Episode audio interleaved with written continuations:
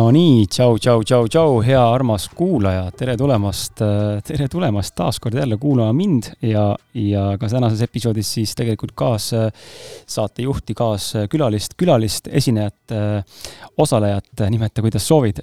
väga lahe, mul on hea meel, et sa oled minuga siin. me oleme lävetanud, ületanud ja lävetanud kahesaja kuulamise tähendab, vabandust, kahesaja episoodi piiri ausalt podcast'is, nii et aitäh sulle veel kord, et sa oled äh, selle teekonna kaasas olnud ja, ja mulle siin tuge nii vaimselt kui ka materiaalselt aeg-ajalt pakkunud, nii et ma väga hindan sind. ja paneme aga edasi, et äh, nagu ma olen varem öelnud, et enne kümmet aastat ma vist ei lõpeta ähm,. vähemalt täna on selline tunne, et viis tuleb kindlasti täis äh,, võib-olla ka kümme, palju on veel teha selles valdkonnas, ma tunnen äh,, ambitsiooni ja tuhhi on, aga aga vaatame, kui kui äh, see minu tänane materiaalne olukord ikkagi mind ära sööb mingi hetk, siis teate, et ma ei salvesta enam sellepärast, et lihtsalt rahad said otsa, ma ei saanud Tallinnasse sõita. aga enne kui lähme saate juurde, siis ma tuletan meelde, et mine hüppa kiiresti ausalt meie Facebooki leheküljele, otsi üles vastava saate postitus sa leiad sealt üles pildi, kus olen mina musta jakiga ja minu külaline Kärt on meil siis niisuguses mõnusas värvilises musta kirjus kleidis. Äh, selle pildi järgi siis saad aru, et tegemist on loosiga, kus siis äh, loosi läheb. Kärdi uus raamat ja kusjuures see on ka pühendusega, nii et äh, mine aga jagama ja kui kuupäev on möödas juba ja võitja on selgunud, siis ega, ega see ei, ei takista jagamist, nii et anna ka tuld ja selle saate avalikustamise hetkel, sellel päeval, äh, kui see saade esimest korda välja tuli, on, oli tegemist kahekümne kolmanda aprilli kuupäevaga, mis tähendab siis seda, et meil kestis veel äh, tol hetkel ausalt mehe podcast'i tasuta webinari sari Rahast lage, äh, Mindseti muutes rikkaks, kus me siis räägime kümne erineva inimesega mõtteviisi muutmisest ja sellest, kuidas seeläbi oma rikkust või teekonda rahalise sõltumatuse suunas toetada nii et kui sa ennast veel kirja ei ole pannud, siis ole hea, mine tee seda ausadmehed.ee, sellepärast et äh, selle kuupäeva seisuga äh, on veel jäänud kolm esinejat ja kolm äh, webinari on veel jäänud, siis on see teine webinari sari selleks korraks kotis. nii et, aga neid on tulemas veel, neid on veel tulemas tõenäoliselt juba juunis, nii et hoia silmad lahti. aga lähme siis ilusa sissejuhatuse juurde, ilma igasugust aega raiskamata, juttu on täna palju ja see teema on väga põnev ja lendame aga sisse. seekordse saate külaliseks on siis psühholoog ja pereterapeut Kärt Kase, kelle kutsumus on aidata teistel oma suhteid parandada. aastal tuhat üheksasada üheksakümmend viis lõpetas Kärt Kanada ülikoolis psühholoogia eriala ja aastal kaks tuhat seitse alustas ta perekonnapsühhoteraapia väljaõpet, mis tõi talle aastal kaks tuhat üksteist pereterapeudi kvalifikatsiooni. õppinud on lisaks ta perelepitust, tunnet, tunnetekeskset teraapiat, inglise keeles siis emotionally focused therapy, mis on üks hea viis mõistmaks täiskasvanute vahelisi armastussuhteid ja ravida sellega seotud stressi. samuti on Kärt täiendanud ennast Imago kliinilise koolitusega, aasta kaks tuhat viisteist läbis ta ärksameelsuse ehk siis mindfulness kursuse, mille abil õpetab täna oma klientidel nende ärevuse maandamist, et potentsiaalselt ellu rohkem rõõmu tuua. Kärt on käivitanud ka programmi Imelised aastad, mis on mõeldud kolme kuni kuue ja kaheksa kuni kaheteistaastaste sobimatult käituvate laste vanematele suunatud töötuba. alates kaks tuhat üheksateist aastast on Kärt sertifitseeritud teiste grupijuhtide coach ja ajakirja Eesti Naine kaasautor Kärt on lisaks eelpool mainitule õppinud ka perekonstellatsiooni Tiiu Polsmani meistriklassis, andnud oma panuse tarkvanem.ee leheküljele erinevate töölehtede loomisesse, Jüri Gümnaasiumi õpilastesse, Tallinna, Tallinna Lasterikaste Perede Liitu ja nii edasi. kirjutanud ka Delfi naistekale suhteteemadel ning käivitanud siis, äh, issand, ma ei teagi, mis see pikk nimetus on, EELK, mis ta oli? Eesti Evangeelse Luterliku Kiriku. okei okay., äh, perekeskuse, mis pakub siis perenõustamisteenust, mis on tänaseks aidanud äh, ligikaudu tuhat viissada inimest ja rohkemgi tegelikult veel ja selle tegevus on laienenud tegelikult Tartusse, Haapsalu ja Jõhvi. Äh, Kärt on kaasa löönud ka TV3 telesaates Abielus esimesest silmapilgust, samuti on loonud ta e-kursused nimedega Kas ja kuidas lahku minna ja kuidas hoida tundeid ja vältida kõrvalsuhte tekkimist. täna tegutseb Kärt koolitajana, nõustab inimesi ja kirjutab raamatuid, nende seas raamatud nagu Suhteaudit, käsiraamat paaridele, kuidas hoida armastust ja tema uus teos, mis ka loosis äh, siis sulle on välja pandud loosimiseks on siis Miks petetakse, käsiraamat ennetuseks ja lahenduseks. ja kõige rohkem on Kärdi juurde leidnud oma tee inimesed, kelle jaoks on aktuaalne teema lahkuminek või lahusolek. nad kas kaaluvad seda, soovivad seda võimalikult valutult teha või soovivad taas eksiga kokku saada. ja aina sagedamini tuleb tema töös sisse petmise teemasid. kas ja kuidas on sellest võimalik üle saada, ja, ja kõik muud, mis sellega seonduv veel on. ja palju on ka kommunikatsiooniprobleeme ja tülitsemisteemasid äh, ja samuti on olnud ka palju nõustamist käitumisprobleemidega laste teemadel. Äh, vau, äh, Kärt, ma pean tunnistama, et esiteks see on üks pikemaid sissejuhatusi, mida ma lugenud olen, üsna kindlalt. sa oleks võinud lühendada. ma ei su-, aga saad aru, ma lühendasin eh,. aa, lühendasid? ma ju, see on, see on juba lühendatud versioon, ehk siis eh, sind ennast käib see naerma, aga reaalselt mõnel inimesel, ja see on küsimus, mis mul endal tekkis ka kohe pähe ja elukaaslane, kui ma ette lugesin seda sissejuhatust, ta kuulas ka ja, ja see küsimus on varemgi tekkinud meil, et mida kuradit äh,, nagu heas mõttes, et. Anna, õnneks mul läheb see nii naerma. see on nagu ennast imetlemast ma ei väsi, et kuulan nagu, kõik on üles kirjutatud, kuigi see tegelikult on sellised niisugune noh, nagu CV lühikokkuvõte uh, mhm. -huh. lühikokkuvõte ehm,. aga jah, tundub, et tegelikult on päris palju juba tehtud. väga ja, palju ja tehtud. see aja arvamine ei ole teab mis kaugel, et enne seda on ka palju tehtud aga kuidas? Äh, sest vanus on juba selline, et ma olen palju palju jõudnud. aa, nüüd me, nüüd me mängime siis äh, selle vabanduse, vanuse vabanduse kaardi, et sa oled liiga vana mitte, et sa oleksid ambitsioonikas või tubli või hästi pürgiv või kuidagi suure ei, drive'iga. kindlasti seal on midagi seda ka. et mulle tundubki, et äh, vot ma tahaks nagu teada, mis on sinu vastus selle koha pealt, kui inimesed arvavad tihtipeale, kui me võrdleme, mm, me ikka kipume ennast võrdlema inimestega, ma arvan, et sina enda kolleegidega võib-olla või eeskujudega, meie saatekuulajad võrdlevad siin võib-olla ennast äh, teineteisega, minuga, külalistega siis aeg-ajalt ikka tekib see tunne, et äh, kurat, see teine inimene, et tema on kuidagi nagu teistmoodi nagu valmis ehitatud, on tal on mingisugune, ma ei tea, teine aju või teine süda või või on topeltkeha kuskil, nii et läheb koju, siis vahetab välja, vaata, ma üldse magama ei pea, on ju, et mis sina arvad, mis tegelikult on nende väga edukate või, või ütleme, väga ambitsioonikate, produktiivsete, ülipalju korda saatvate inimeste erinevus versus siis äh, noh, ma ei tea, tavainimene on nagu nõme öelda ja, ja see ei ütle mitte midagi, aga inimene, kes võib-olla teeb vähem, kes tahab vähem teha, mis nende suur erinevus on, kus see, kus, mis on see, mida inimene, kes tahab rohkem teha, peaks täna hakkama nagu õppima või arendama endas? või see on ikkagi geneetiliselt kuidagi või loomupäraselt äh, biokeemiliselt kaasa antud? ma arvan, et energiatase on natuke kaasa nii-öelda saadud mm -hmm. ja see sisemine rütm.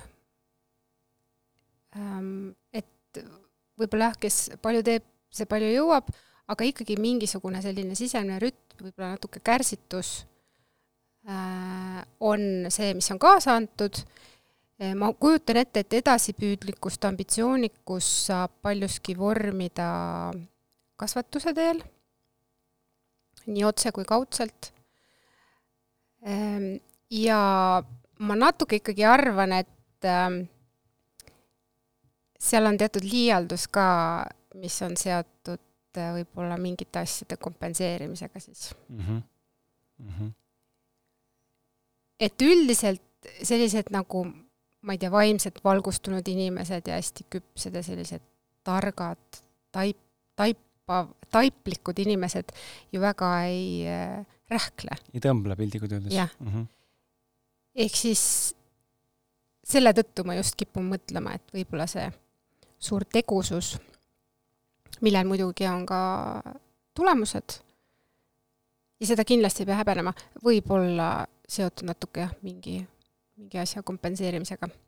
see on nii äge, et sa seda ütled, sest ma olen siin varem ka öelnud sama asja, ma ise olen ka hästi ambitsioonikas, vähemalt mulle tundub, et keskmisest ambitsioonikam võib-olla, aga ma näen ka seda eh, teatud sõprade pealt, kes siin ka tegutsevad hästi aktiivselt ja, ja siis ongi, olengi hakanud nagu tegema sellist nagu sisevaatlust ja saanud aru, et tegelikult ma väga palju kompenseerin või siis üritan tegelikult noh, seal on küll tõestamisvajadus, äh, seal on midagi muud veel tagataustal, on ju, et tegelikult ma tahan saada äh, tunnustust või mingit muud asja, et see ei ole ainult see, mul on nüüd ilgelt soov midagi luua, vaid ma tegelikult tahan nagu kuuluda või saada mingit nagu tunnustust, et tegelikult see on hästi huvitav, et sa mainid sama asja, et tihtipeale inimesed julgevad öelda välja seda, et mul tegelikult võib olla midagi, isegi kui sa midagi täpselt ei tea, aga noh, sa arvad, et sul ei ole midagi, et ei, ma olengi suure tuhhiga, aga tegelikult seal tagataustal on nagu väga peenelt midagi võib-olla hoopis teist asja mängus mm. -hmm. ja, ja ikkagi ma nagu rõhutan, et see ei ole halb mm, -hmm. et, et nüüd need inimesed, kes on ambitsioonikad, kirglikult oma asja teevad, kas või nagu sina ütled, et sa tahaks kümme aastat teha ja nii palju on areneda, et see ei ole nagu kuidagi häbiväärne või naeruväärne, et see on tore, sellepärast et selle kaudu sa pakud teistele loodetavasti midagi, mida nad vajavad mm. -hmm. Ehm, nii et jah, see ei ole nagu üldse halvustav, halvustavalt öeldud, et, et on näiteks me midagi kompenseerime. absoluutselt. Ehm, ma arvan, et ma ei eksi, kui ma ütlen, et äh, inimsuhted on meie elus kõige olulisemad asjad üldse. Äh, või vähemalt üks olulisemaid aspekte inimeseks olemise juures on meie äh, suhted ümberringi. Olgu need siis sõprade või, või töökaaslaste või, või ma ei tea, ühiskonnas olevat teiste inimestega või perekonnaga, no kellega iganes veel täna on meil huvitav äh, hetk käes äh, maailmas, ähm, kus mina olen siis see, kes seisab seal Toompeal aeg-ajalt, on ju, ja, ja karjun seal vabadus, on ju. ja siis teiselt poolt on inimesed, kes on nagu minule nii-öelda piltlikult öeldes vastu. täna ei ole oluline see, kas meil on siin mask või mitte mask, olgu see vaktsineerimine, mitte vaktsineerimine, tegelikult on näha, et meil tegelikult puudub oskus kommunikeerida üksteisega. Mis minu meelest on kõige suurem nagu äh, puudujääk tänases just nimelt selle inimsuhete teemal, miks ma selle, sellega just tahan alustada, ongi see, ma näen, et meil on ma oma elus ka näinud, et mitte ainult tänasel ajastul, aga noh, praeguse ühiskonna lõhestus näitab väga tugevalt seda, aga just nagu eelnevalt ka oma pereliikmetega ja võib-olla mõne sõbraga ja mõne tuttavaga, et väga palju on äh, kinni tegelikult kommunikatsioonis, oskuses nagu siis oma mõtteid edasi anda ja, ja teistpidi ka teist inimest osata kuulata ja mõista, ehk siis tema seda narratiivi näha, et kui me näeme ainult ühte mündi poolt, on ju, siis meil ongi ainult üks nii-öelda inglise keeles on hea sõna nagu bias, mis eesti keeles on, ma ei tea. eelarvamus. eelarvamus, üks pool on ju, mind teine ei huvitagi mina tean, nii on, ma olen lugenud seda allikat ja mind sinu allikas ei huvita, noh, siis ei saagi nagu sõbralikku debatti või nagu üldse kuidagi nagu mingisugusele äh, järeldusele nagu jõuda, sest et äh, noh, tervisliku debati või arutelu või kommunikatsiooni äh, mulle tundub, et tuum, tuumik on see, et me, me esitleme enda ideid äh,, mis iganes postulaate või mingeid asju, on ju, ja siis teine paneb vastu oma väite, on ju, ja nüüd me püüame jõuda mingisuguse järeldusele, et okei okay,, okei okay,, on ju, et ta, täna see puudub, aga miks sa arvad, kas sa oled nagu, oled minuga nõus, et inimessuhted on kõige olulisemad asjad ja ja kuidas, mis on nagu sinu soovitus, et siia tänasesse lõhestunud pilti nagu tuua sellist võib-olla natuke nagu rahumentaliteeti ja üldse ka igapäevastesse suhetesse, kuidas nagu rohkem seda kommunikatsiooni saada nagu tööle, et inimesed päriselt üksteist nagu kuulaks, sest väga tihti me kukume süüdistama ja õigustama, aga see ei vii mitte kuskile. Äh, kui sa hakkasid rääkima, et inimsuhted on tähtsad, siis mul tulid meelde katsed, mida on tehtud beebidega. Et äh, see võis olla Poolas, äh, kus siis oli ja kui ma luuletan, siis ma väga vabandan, aga, aga ma nagu praegu lihtsalt meenutan ja võib-olla natuke mingid ebatäpsused tulevad sisse, ehk siis äh, nagu sõja ajal ja niimoodi oli päris palju orbe äh,, lapsi jäi orvuks ja siis nad viidi lastekodusse ja neile pakuti toitu mingitel kellaaegadel. Äh, tõenäoliselt vahetati ka mähkmeid, aga väga nagu keegi neid ei kussutanud või sülle ei võtnud või noh, nagu ei suhelnud, ütleme siis niimoodi. ja, ja ma ei tea, kas see nüüd oli päris eksperiment või see lihtsalt kujunes nii, aga nendest lastest kasvasid sellised väga imelikud suuremad lapsed mm. -hmm. ja, ja kui neid veel nagu edaspidises elus ka jälgiti, siis ikkagi nad olid sellised noh, keda tavainimene peab võib-olla nagu imelikuks ja, ja see oligi selle tõttu, et neil jäi puudu sellest sama tähtsast kui söök ja, ja see, et sul on nagu turva, või mitte turvaline, aga ütleme, soe olla kuskil, jäi puudu sellest samast äh, sotsialiseerimisest ja, ja suhtlemisest ja ja kindlasti sellest kiindumusest, mida iga inimene vajab, ehk siis äh, me vajame emotsionaalset sidet vähemalt ühe inimesega me vajame seda võimalust juhtida lähedust, vahest lähemal, vahest kaugemal, ja meil on vaja mingit turvalist baasi, et, et teadmist, et ükskõik, kus ma ei käi, mul on üks koht või üks inimene, kuhu ma võin tagasi tulla ja seal mm -hmm. mul on hea olla. nii et äh, me ei ole võimelised ilma nende pidepunktideta elama sellist, ütleme siis täisväärtuslikku elu. et sellega ma olen nõus ja kui me toome selle tänapäeva, siis ma olen ka nõus, et, et palju on kommunikatsiooniprobleeme, et ei kuula ja nii edasi, aga ma arvan, et nagu sügavale minnes see ikkagi on soov olla mõistetud äh,, olla aktsepteeritud ähm,.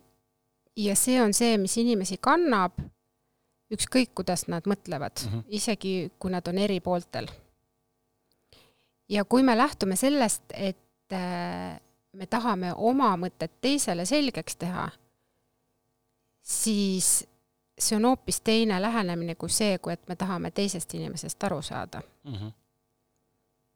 ja mulle tundub, et praegu võib-olla see ongi see, et me tahame rohkem nagu oma juttu veel kõvemini, veel suuremat, ma ei tea, argumentatsiooniga esitada, lootes, et siis see jõuab kohale. Aga võib-olla see võti oleks hoopis see, et tegelikult keskenduda siis selle teise poole kuulamisele, et temast rohkem aru saada ja kas või siis peegeldada tagasi, et jah, et tegelikult ma saan aru, et nii võib mõelda, see kõlab piisavalt loogiliselt ja, ja ma täitsa usun, et see on sinu tõde.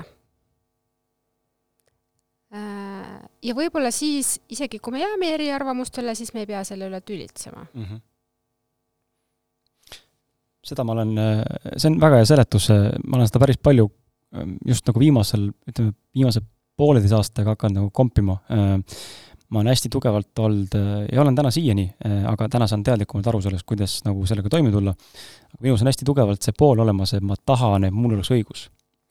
ja, ja see on olnud nooremas eas üsna nagu noh, selles mõttes isegi sinnamaani välja, ma olen valmis mitte suhtlema või lõhkuma nagu totaalseid suhteid täna ma saan aru ja hakkan nagu aru saama, et on täitsa võimalik, ma ei, ei ütleks, et ma lõpuni sellega võib-olla nõustun, aga on täitsa suur tõenäosus ja ma tegelikult mõistan seda, et on väga võimalik, et ei olegi ühte tõde, vaid on nagu mitu erinevat tõde. aga ma ütlen sulle kohe siis ära, et ongi erinevad mm -hmm. tõed. et, et meil kõigil on oma tõde ja, ja kui sa sellega juba lepid, siis on juba põhjust vähem vastanduda ja vähem mm -hmm. tülitseda ja see on juba palju mõnusam koht, kus olla. sest sealt tekib see, tekib ju see aktsepteerimine ka veel. jaa, sinna tekib ruum, et mm -hmm. tegelikult on okei okay sinul oma tõega olla, minul oma tõega olla. et, ähm, et võib-olla me natuke liiga palju lähtume sellest kohtu ähm, kujundist mm, -hmm.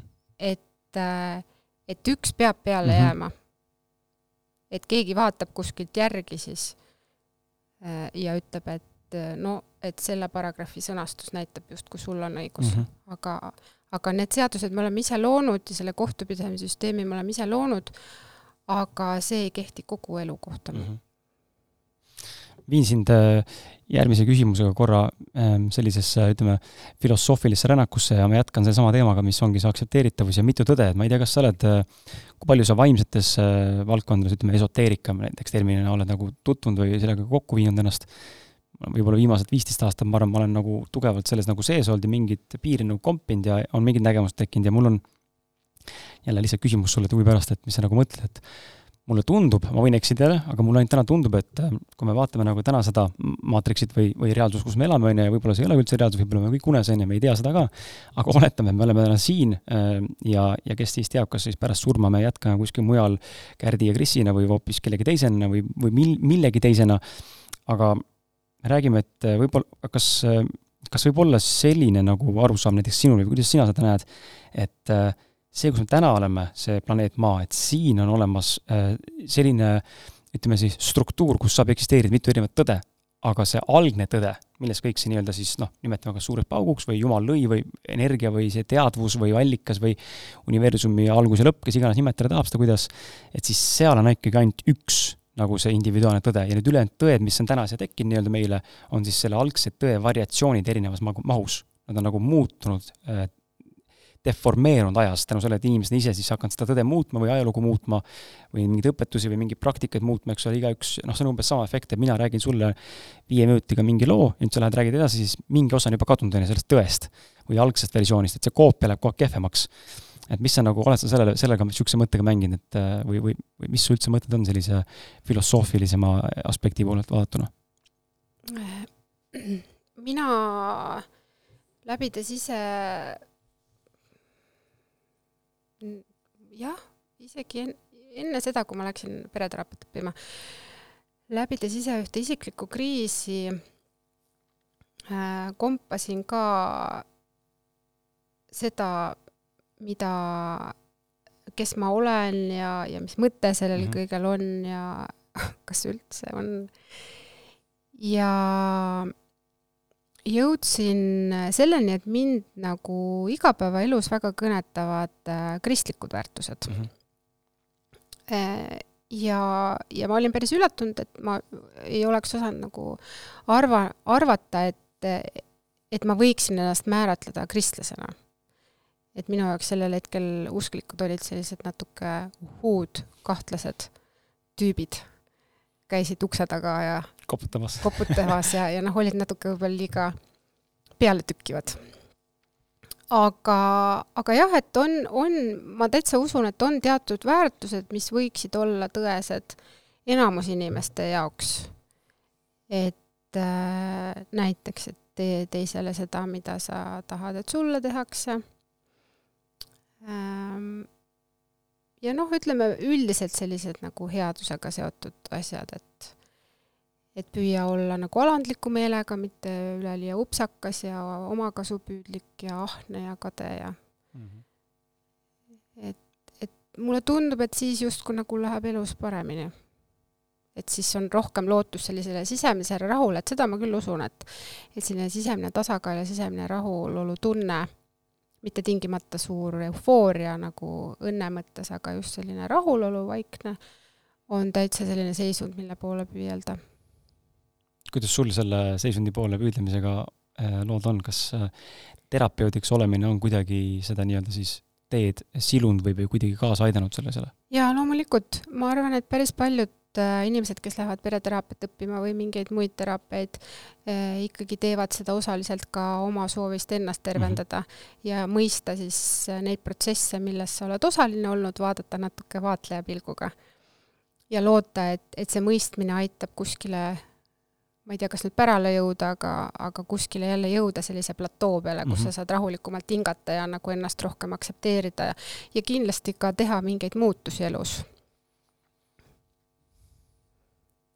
Nii et jah, mina, mina kindlasti olen ühe päris suure protsessi ja valulise protsessi läbi teinud oma õpingute ajal. ja, ja ma saan aru, et, et paljudes nagu teraapiaõpingutes on kohustuslik ka see eneseteraapia, nii et, et sa pead ikkagi ise olema suht terve, et teisi ravida, muidu lihtsalt hakkavad mingid oma asjad paralleelselt tööle ja võib-olla see klient jääb natuke tahaplaanile mm. -hmm. tahad sa jagada, mis sinu see isiklik äh, nii-öelda kas või kaudselt või ümmarguselt? ei no ikka armastus ja mm -hmm. südamevalu ja mis on üsnagi tegelikult levinud äh, üsnagi levinud tegelikult asi või noh, kogemus, mida inimesed kõik kogevad oma elus vähemalt ühe korra kindlasti. jaa, just.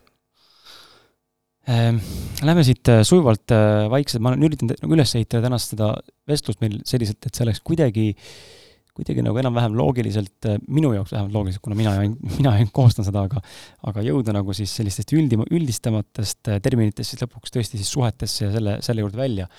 Ei, mina tulen sinuga kaasa, kuhu iganes lähed. väga hea, super, et väga hea, siis äh, puudutame korra sinu seda teekonda, just mind huvitab mindfulness koolituse läbimine, mis see nagu tähendab? see on eesti keeles siis teadvaloleku koolitus jah, mis see nagu tähendab mis see sulle siis andis või inimsuhete kohta õpetas ja kuidas ta, kuidas ta on siis seotud sellega, mis sa täna nagu teed? jah, ärksameelsus või teadvelolek ma läksin sinna sellepärast, jällegi kaks põhjust, üks oli isiklik, üks oli tööalane.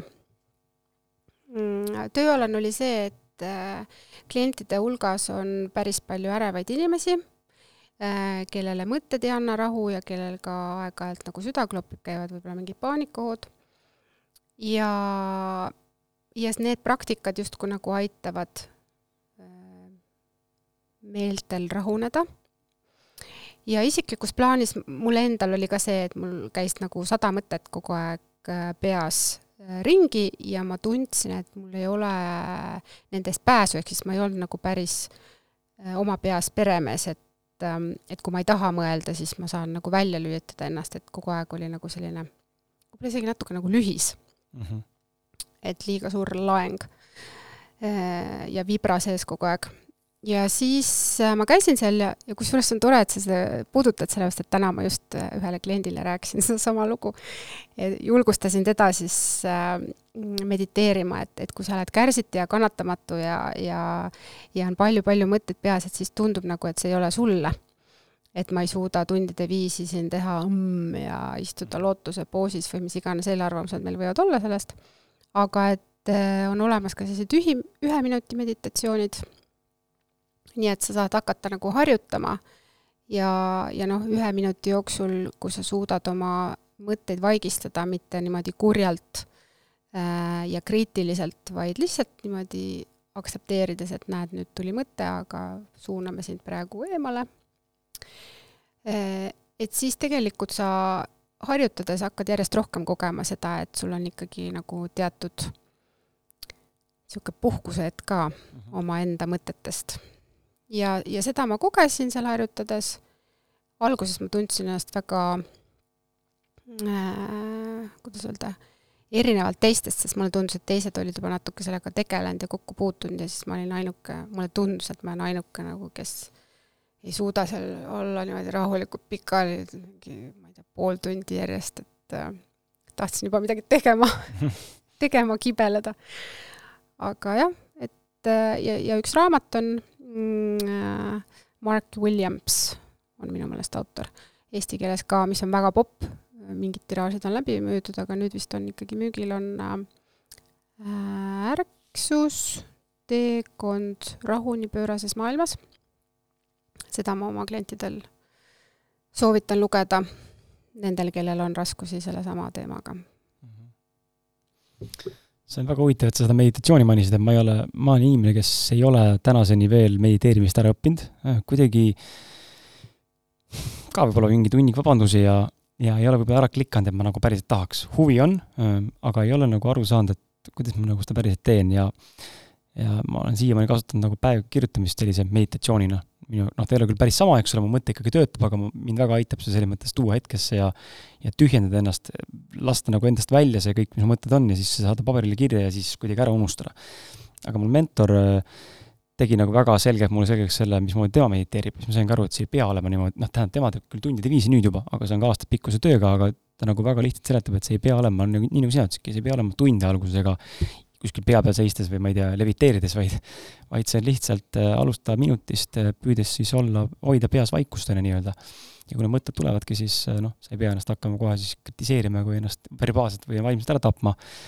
ja, ja üks harjutus, mida ma olen nagu proovinud teha ja see tõesti nagu töötab mingis mahus, on see, kui sa jälgid nagu ühte punkti hästi nagu tugevalt ja kui tulebki mõte, siis sa üritadki, ma ei tea, mis iganes öelda, et mine ära või et praegu on, natuke pidin punkti jälgima et äh, tuua nagu tähelepanu kogu aeg ennast uuesti kohale sellesse, mida sa pidid parasjagu tegema ja see aitab kohe jälle nagu pea tühjaks saada. aga noh, tunda on, et alguses äh, ka seda minutit on tegelikult päris raske teha, nii et ma ei kujuta ette, mis äh, kogemus inimesed saavad, kes võib-olla seal noh, tunde on mingisuguses täiesti tühjuses oma peas või noh, polegi midagi, et sa lihtsalt oled nagu, et jah, ega see võib olla ka kujuneda selliseks ähm, huvitavaks kogemuseks, kus sa äh, järjest vähem tunnedki vajadust nagu mõelda ja, ja midagi öelda ja siis sa mm -hmm. ütledki järjest vähem ja võib-olla vajad vähem ka teiste seltsi või teiste jutuvada ähm,. et vaata, ma ei tea, kas sul tekib seos aga pildistamisega niimoodi, et algaja fotograaf nagu tohutult klõpsib mm, -hmm. et kõik nagu oo, nii äge. ja siis mingi hetk on nagu ähm, see natuke vaibub ja siis teed nagu mõne klõpsu ja mingil hetkel enam ei taha üldse klõpsu teha, lihtsalt vaatad mm. -hmm. et ei, ei ole enam vajadust pildistada, lihtsalt vaatad. et eks see ole nagu mingi protsess.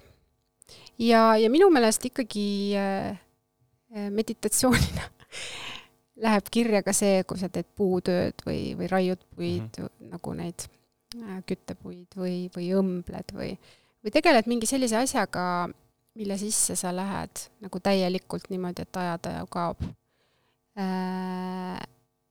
aga samas sa oled kohal, et, et sa ei tee seda automaatpiloodiga, et sa ikkagi pead jälgima, et sa nagu oma näppu ei löö või nõelaga ei torka. et mulle tundub, et vanad eestlased on leidnud päris palju tegevusi, mis sobiksid ka nagu selle kirjelduse alla. kohalolu tekitamiseks nii-öelda? ma annan siin siis endapoolse soovituse, mis ka minu meelest väga hästi töötab, on konsoolimängude mängimine ja päriselt, ma ei tee nalja, äh, ma ei ole sõltlane, elu jää seisma, aga ma olen, ma olen seitsmendat eluaastast äh, saati neid asju mänginud ja täna täiskasvanud mehena samamoodi vahepeal võtan õhtul puldi kätte ja mängin ja reaalselt äh, ma mäletan neid hetki nooremana, kui sa mängidki, sa lähed nii sisse sellesse story'sse, sellesse karakterisse, sellesse žüžeesse, stsenaariumisse, aeg kaheksa, kümme tundi, kaksteist tundi, pole mingi probleem seal niimoodi olla kinni, aga sa oled kogu aeg teadlikult, noh, sa pead ju jälgima, mis sa teed selleks, ole, kuidas seal mängus juhtub. et see on ka võib-olla mingil määral meditatiivne, kuigi kahjulik võib-olla, sest et see on ekraan ja stimuleeri teistpidi. jah, lihtsalt tuleb eristada seda, et mis on see tegevus, kus, ähm, kus sa nagu ähm, kaod ära ja mis on see tegevus, kus sa oled just nimelt kohal mm. -hmm. et see kohalolek praeguses hetkes ja tajumine, praeguse hetke tajumine, ilma et oleks minevikku ja tulevikku, on just see seisund, mida siis selle teadveloleku praktikatega püütakse tekitada ja aina pikemaks venitada. päris lahe, see tundub, eh, mul tekkis juba huvi rohkem, et mida rohkem inimesed mulle siin eh, meditatsiooni mainivad, seda rohkem tekib see huvi, et äkki peaksin ka hakkama nagu natukene kui on õige aeg, siis sa, siis sa teed seda õige aeg on siis, kümne aasta pärast näeme, siis ma olen, äh, leviteerin juba okei okay,, aga lähme nüüd selle klassikalise küsimuse, mida kõik tegelikult teavad, äh, me kõik teame seda, aga ma tahan kuulda sinu nagu selgitust äh, ja nägemust sellele siis teemale. kui palju ja kuidas mõjutab lapsepõlv meid? Ähm, ja kas lapsepõlvel on alati ilmtingimata see kõige suurem nii-öelda siis äh, roll, ütleme, täiskasvanu eas ees olevatele probleemidele või, või sama suured probleemid või, või mingid mustrid äh, võivad tekkida ka teismeeas ja ka täiskasvanu eas, sõltuvalt siis sündmusest, või pigem ongi lapsepõlv on see kõige tähtsam asi üldse? et kui see on korras, siis noh, tulevikus ei juhtu midagi või et äh, kuidas sellega seos on? no lapseeaga seonduvad kaks hästi olulist äh, protsessi, kuigi neid protsesse on oluliselt rohkem. üks on seesama, see kiindumuse äh, suhte tekkimine. et seda, seda noh, see algab siis, kui sa sünnid ja, ja siis ütleme, esimese kolme eluaasta jooksul see kujuneb välja nendes riikides, kus, kus vanemad lähevad väikse lapse kõrvalt varem tööle, seal püütakse inimesi lohutada, et ärge muretsege, et pooleteistaastasel on ka juba noh, et kui te olete temaga nii kaua koos olnud, siis on juba ka päris hästi ja ja siis ma ei tea, need, kes lähevad kolmekuuse lapse kõrvalt tööle ja laps on lapsehoidjaga, need siis vist ka ennast kuidagi lohutavad, aga üldiselt jah, äh, see kiindumussuhe siis ühe enda jaoks olulise täiskasvanuga, kes su eest hoolitseb ja kes, kes sind sülle võtab ja silitab ja, ja sinuga räägib ja sulle silma vaatab ja sulle reageerib, äh, peaks välja kujunema. Ja kui see on turvaline, siis huh, mustmiljon probleemi jääb sul olemata. kas, kas see on suurem. siis äh, siinkohal soovitus, et äh, soovituslik on äh, kolm, kuni kolm aastat lapsega kindlasti kodus olla või? noh, ma arvan, et et see kolm aastat, see kõlab natuke nagu ähm, võib-olla liialdusena, sellepärast et see ei tähenda, et sa pead nagu iga ärkveloleku mm -hmm. hetke olema lapsega koos. et, et tegelikult osa päevast on see, mis sa siis ähm, võiksid oma lapsega veeta, aga loomulikult nende noh, esimese eluaasta jooksul on see kõige olulisem, et seda oleks võimalikult palju. Äh, et sellest kujuneb see baasturvalisus, et kui ma nutan, siis on keegi, kes tuleb mu juurde, lohutab mind. Äh, kui ma tahan süüa, siis piisab, et ma teen kõva häält ja keegi tuleb ja toidab mind, et maailm on turvaline paik ja minu vajaduste eest hoolitsetakse ma saan usaldada siis seda, et elu justkui nagu ma usaldan toetab. elu, ma usaldan mm -hmm. maailma. ja see kannab meid päris tugevalt ja kaugele, kui me seda usume. ja samas, kui me seda ei usu, siis äh,, siis on raske elada äh, kas siis ärevuse vabalt või, või mitte põgenedes mm. -hmm. kas äh, võib siis nagu tuua näite enda kohalt, et kui mul täna on äh, noh, võib-olla see on liiga nagu, liiga nagu kitsarinnaline vaade, vaade, aga toon nagu rahalise näite, kui mul täna on usaldamatus ja teadmatus, ehm, mis täna võrdub pigem nagu hirmu ja ärevuse ja nega-, negatiivse nagu tundega, on siis usaldamatus eh, selle ees, et mul tuleb siin kuu, kahe või kolme või aasta pärast äh, äh, piisavalt palju raha, ma saan hakkama endaga, kas siis selle puudujääk on saanud alguse lapsepõlvest? Ma ei oska nii üheselt seda ähm, öelda ja ma ei tea, kas see on ka vajalik, et kas, kas on vaja sellist sirget joont hmm. sellest punktist sinna punkti äh, tõmmata, et mis see sulle annab. et, et et võib-olla kõiki küsimusi ei ole vaja küsida, eriti kui sa oled juba suur inimene ja pool elu elatud. aga, aga jah, et kui sa küsid, et, et, et kas lapsepõlv on oluline, siis see on lihtsalt osa vastusest, et, et see on see aeg, kus kujuneb see kiindumis stiil välja ja kui see ei ole turvaline, siis see võib olla kas ärev või vältiv või, või mõnel juhul ka ambivalentne, et vahepeal on vältiv ja vahepeal on äh, ärev aga teine pool siis, mis, mis lapsepõlves ka on ja ja see protsess, mis toimub, on siis nagu sotsiaalse õppimise protsess, ehk siis sa õpid ümbritsevast, ümbritsevat kogedes, kuidas elu käib. sa ei tea ju mitte midagi. ja sinna juurde, et kas keegi on kohal, kui ma teda vajan, tuleb mustmiljon muud asja. et enne, kui ma ju suudan rääkida, ma ikkagi näen ja salvestan samamoodi Äh, ja siis ongi, et äh, kas mul on ema ja isa, kas mul on võib-olla vanaema, vanaisa, õed-vennad, kuidas nemad minusse suhtuvad, mis nad teevad omavahel, minuga. Äh, kas on tülid, kuidas need lahendatakse. Et kõik see on see, mis lihtsalt meisse nagu salvestub mm. -hmm ja, ja sellel hetkel meil ei ole veel niivõrd palju oma arvamust ja selle tõttu kõik see läheb nagu ilma filtrita meisse. et kui meil kujunevad välja juba nagu sellised enesekaitsemehhanismid, siis me kõike endasse ei võta. eitame näiteks, ei, seda ei ole. Kui meil on raske sellega toime tulla, aga väiksed lapsed, nendel ei ole neid enesekaitsemehhanisme ja siis kõik see, mis nad kogevad, ma ei tea, esimese viie või seitsme eluaasta jooksul või et see ikkagi suhteliselt niimoodi üks-ühele äh, neisse talletub. ja selle järgi nad hakkavad võtma maailma, et vot maailm ongi selline, et see ongi nende normaalsus. Vahest me mõtleme, et kuidas nagu noh, umbes lapsed suutsid elada näiteks, ma ei tea, kui isa lõi või, või ma ei tea, ema oli täiesti oimetu kuskil narkouimas või ma ei tea, mis jubedaid lugusid veel on aga, aga need lapsed peavad seda normaalseks mm. -hmm. nii et see normaalsus kujuneb väga erinevalt vastavalt sellele, kus, kus me elame. ja, ja tulles tagasi veel selle mm, kohaloleku juurde, et kuidas see kiindumus kujuneb, siis päris raske on nendel lastel, kellel justkui vanem on näiteks kohal, aga, või vanemad, aga nad on depressioonis või muul moel siis kontaktivõimetud et öeldakse, et see on võib-olla ehk kõige raskem taluda, et, et nagu inimene on, aga ta teda ei, teda ei ole tegelikult. teda ei ole mm -hmm. tegelikult, jah.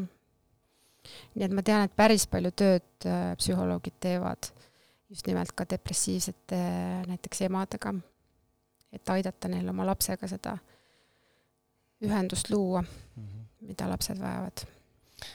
no e, sinu vastus või vastused viimasele paarile küsimusele tegelikult nende pealt võiks nagu tegelikult öelda päris jõuliselt, et äh, lapsevanemaks saamine või lapse tegemine on ikkagi päris suur vastutus, esimesed, no ikkagi seitse aastat ja tegelikult ka edasi, aga just nimelt nagu seitse aastat, noh et et sealt tekiks see terv-, tervislik nagu vundament ja maailma nagu taju ja nägemus ja kogemus, et ähm, no see on ikka väga rets tegelikult.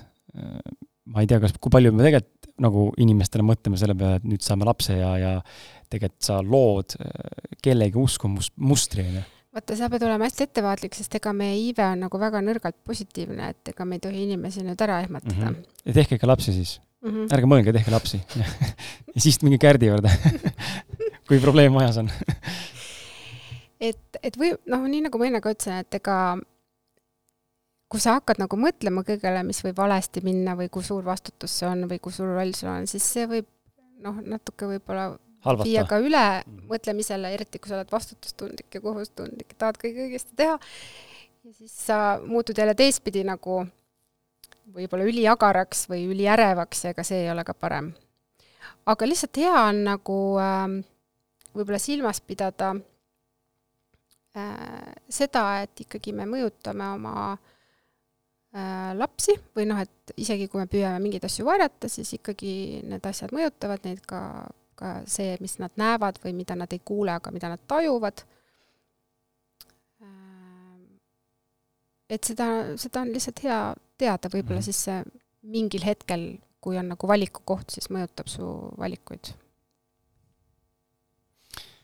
tuleme siit äh, korra laste, laste fookuselt nagu lastega, laste pealt ära ja me rääkisime enne siin saate alguses ka sellest äh, kommunikatsiooniprobleemist, äh, mis täna siis nii-öelda on, või noh, üks nendest kommunikatsiooniprobleemidest, aga millised on peamised kommunikatsiooniprobleemid siis ütleme, noh, inimsuhete nagu paarisuhete, paarisuhete korral, mis võivad viia siis suhte purun-, purunemiseni ja kuidas, kuidas siis neid probleeme võiks nagu ennetada või, või lahendada, näiteks ma ei tea, too paar näidet lihtsalt. No tegelikult on päris hea äh, siinsamas äh, teha ka see seos selle kiindumusega, sellepärast et sageli äh, need kommunikatsiooniprobleemid on seotud ka oskustega, aga võib-olla isegi vähem oskuste ja rohkem selle näiteks selle äreva tundega, et, et mul on tunne, et sa ei ole piisavalt lähedal mulle või et ma ei ole sulle piisavalt tähtis ehm, ja siis juba selle reaktsiooni põhjalt sa hakkad nagu suhtlema. et siis sa ei suhtle enam niimoodi rahulikult. et kuule, et äh, kas me võiksime koos, ma ei tea, täna jalutama minna, ma tahaks sinuga aega veeta koos ja vaid siis sa ütledki, et ma ei tea, et sul on nagu kogu aeg midagi muud teha, et mm, -hmm. et ma ootan ja ootan, et võib-olla sa kutsud mind jalutama, aga ei tule seda aega, seda ei tule mitte kunagi. et siis noh, ja juba, juba on see tonaalsus hoopis teine, et, et selle asemel, et selle esimese versiooni puhul mõelda, et võib-olla teine ütlebki, et jaa, jaa, mõtle, muidugi lähme jalutame, räägime juttu ja hoiame käest kinni ja naudime teineteise seltskonda, siis selle teise puhul on ju, no ma ei tea, üheksakümmend protsenti tõenäosus, et teine ütleb, et mis asja mm, -hmm. mis, ma ei tea, mis jalutama, et nagu ütle normaalselt, mis sa karjud siin. ja siis juba läheb asi edasi selle sisu, selle sisu poolt äh, vormi peale, et mm -hmm sa oled nii ärritunud, et ma ei taha sinuga üldse praegu rääkida. ei no ma ärritungi siis, kui ma vaatan, et sa nagu ei tule kaasa, vaid hakkad mind süüdistama hoopis vastu ja et, et see on nagu hästi-hästi tüüpiline, et, et äh, sisu jääb tahaplaanile ja siis vaieldakse vormi üle mm. -hmm. mis tegelikult, noh, see näide nagu on hea, selles mõttes tegelikult see näitab ära, kui, kui lihtsasti me võime noh, nii-öelda ühe, ühe vale lause või vale tonaalsusega libastuda nagu täiesti kuskil niimoodi, et noh, et kuidas, kuidas me siia mhm. eskaleerusime nüüd mm. -hmm. ja seda on väga tihti näha tegelikult, ma ise näen ka, endagi mõnikord tekib mingi situatsioon, kus siis, et sa, tekib mingi arutelu ja siis vähe tulisem kui muidu ja siis saad aru, et oot, aga nagu, kuidas me nagu siia jõudsime, nagu mis nali see nüüd on?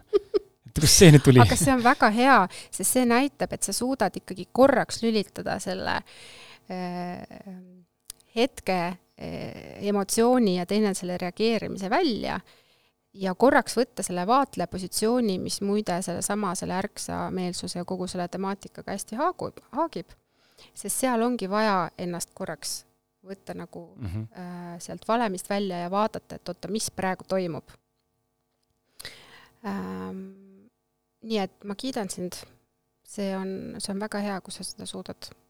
alati vist ei õnnestu aga no ja see on ka väga okei okay. see on ka okei okay., aga no ma üritasin mõelda praegu, et mis see alati ei õnnestu siis nagu millega ta lõpeb, aga eks nad seal need lauad tagurpidi on ja seinas tapeet maas. et tegelikult ei ole nii hull, äh, ei, ei absoluutselt mitte, ma just üritasin mõelda, tegelikult ei olegi, mul ei tulegi meelde nagu, millised on need minu suhtes olnud.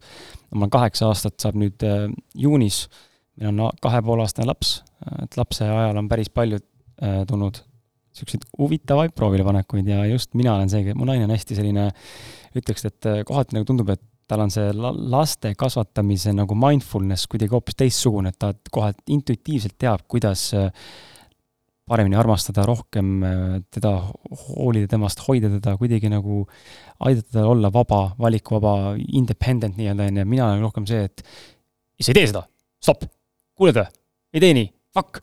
ja siis sa lähed nagu närvi, on ju, ja siis tema nagu hästi rahulik ja siis ma nagu näengi, et laps päris jõuliselt käivitab mind mõnes kohas ja see on äh, head, head proovikivid olnud, et kui mina saan käivitatud lapse poolt, siis naine käivitab selle poolt, et mina käivitusin lapse peale ja siis on konflikt juba, on ju.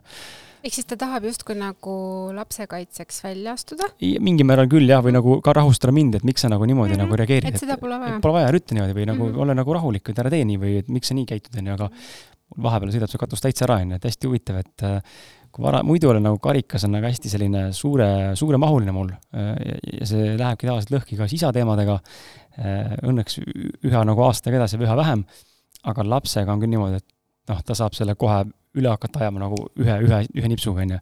ja ainuke inimene, kes teha suudab, seda on laps mm. -hmm. mitte nii halb oleks, ta on ei väga, väga laps. ta on väga hea laps, väga ilus, väga ilus laps, väga hea laps on ja kõik on super suhe ja mul ei ole midagi tema vastu ja meil ei ole mingit probleemi, aga lihtsalt ma näen, et ta oskab nagu vajutada teinekord väga jõuliselt ja kohe niimoodi, et mul sõidab, kõik asjad lendavad pealt ära mm. -hmm. et see on väga huvitav äh, aga vaata see, kui sa ise lapse saad, siis tegelikult äh, käivitub mõnes mõttes selline paralleelprotsess, äh, et sa oled ise isa rollis, aga kuskil hakkab käi-, nagu uuesti niimoodi vaikselt tuure võtma ka see, et kuidas mina olin lapsena ja kuidas siis mm -hmm. minuga käituti ja need kogemused.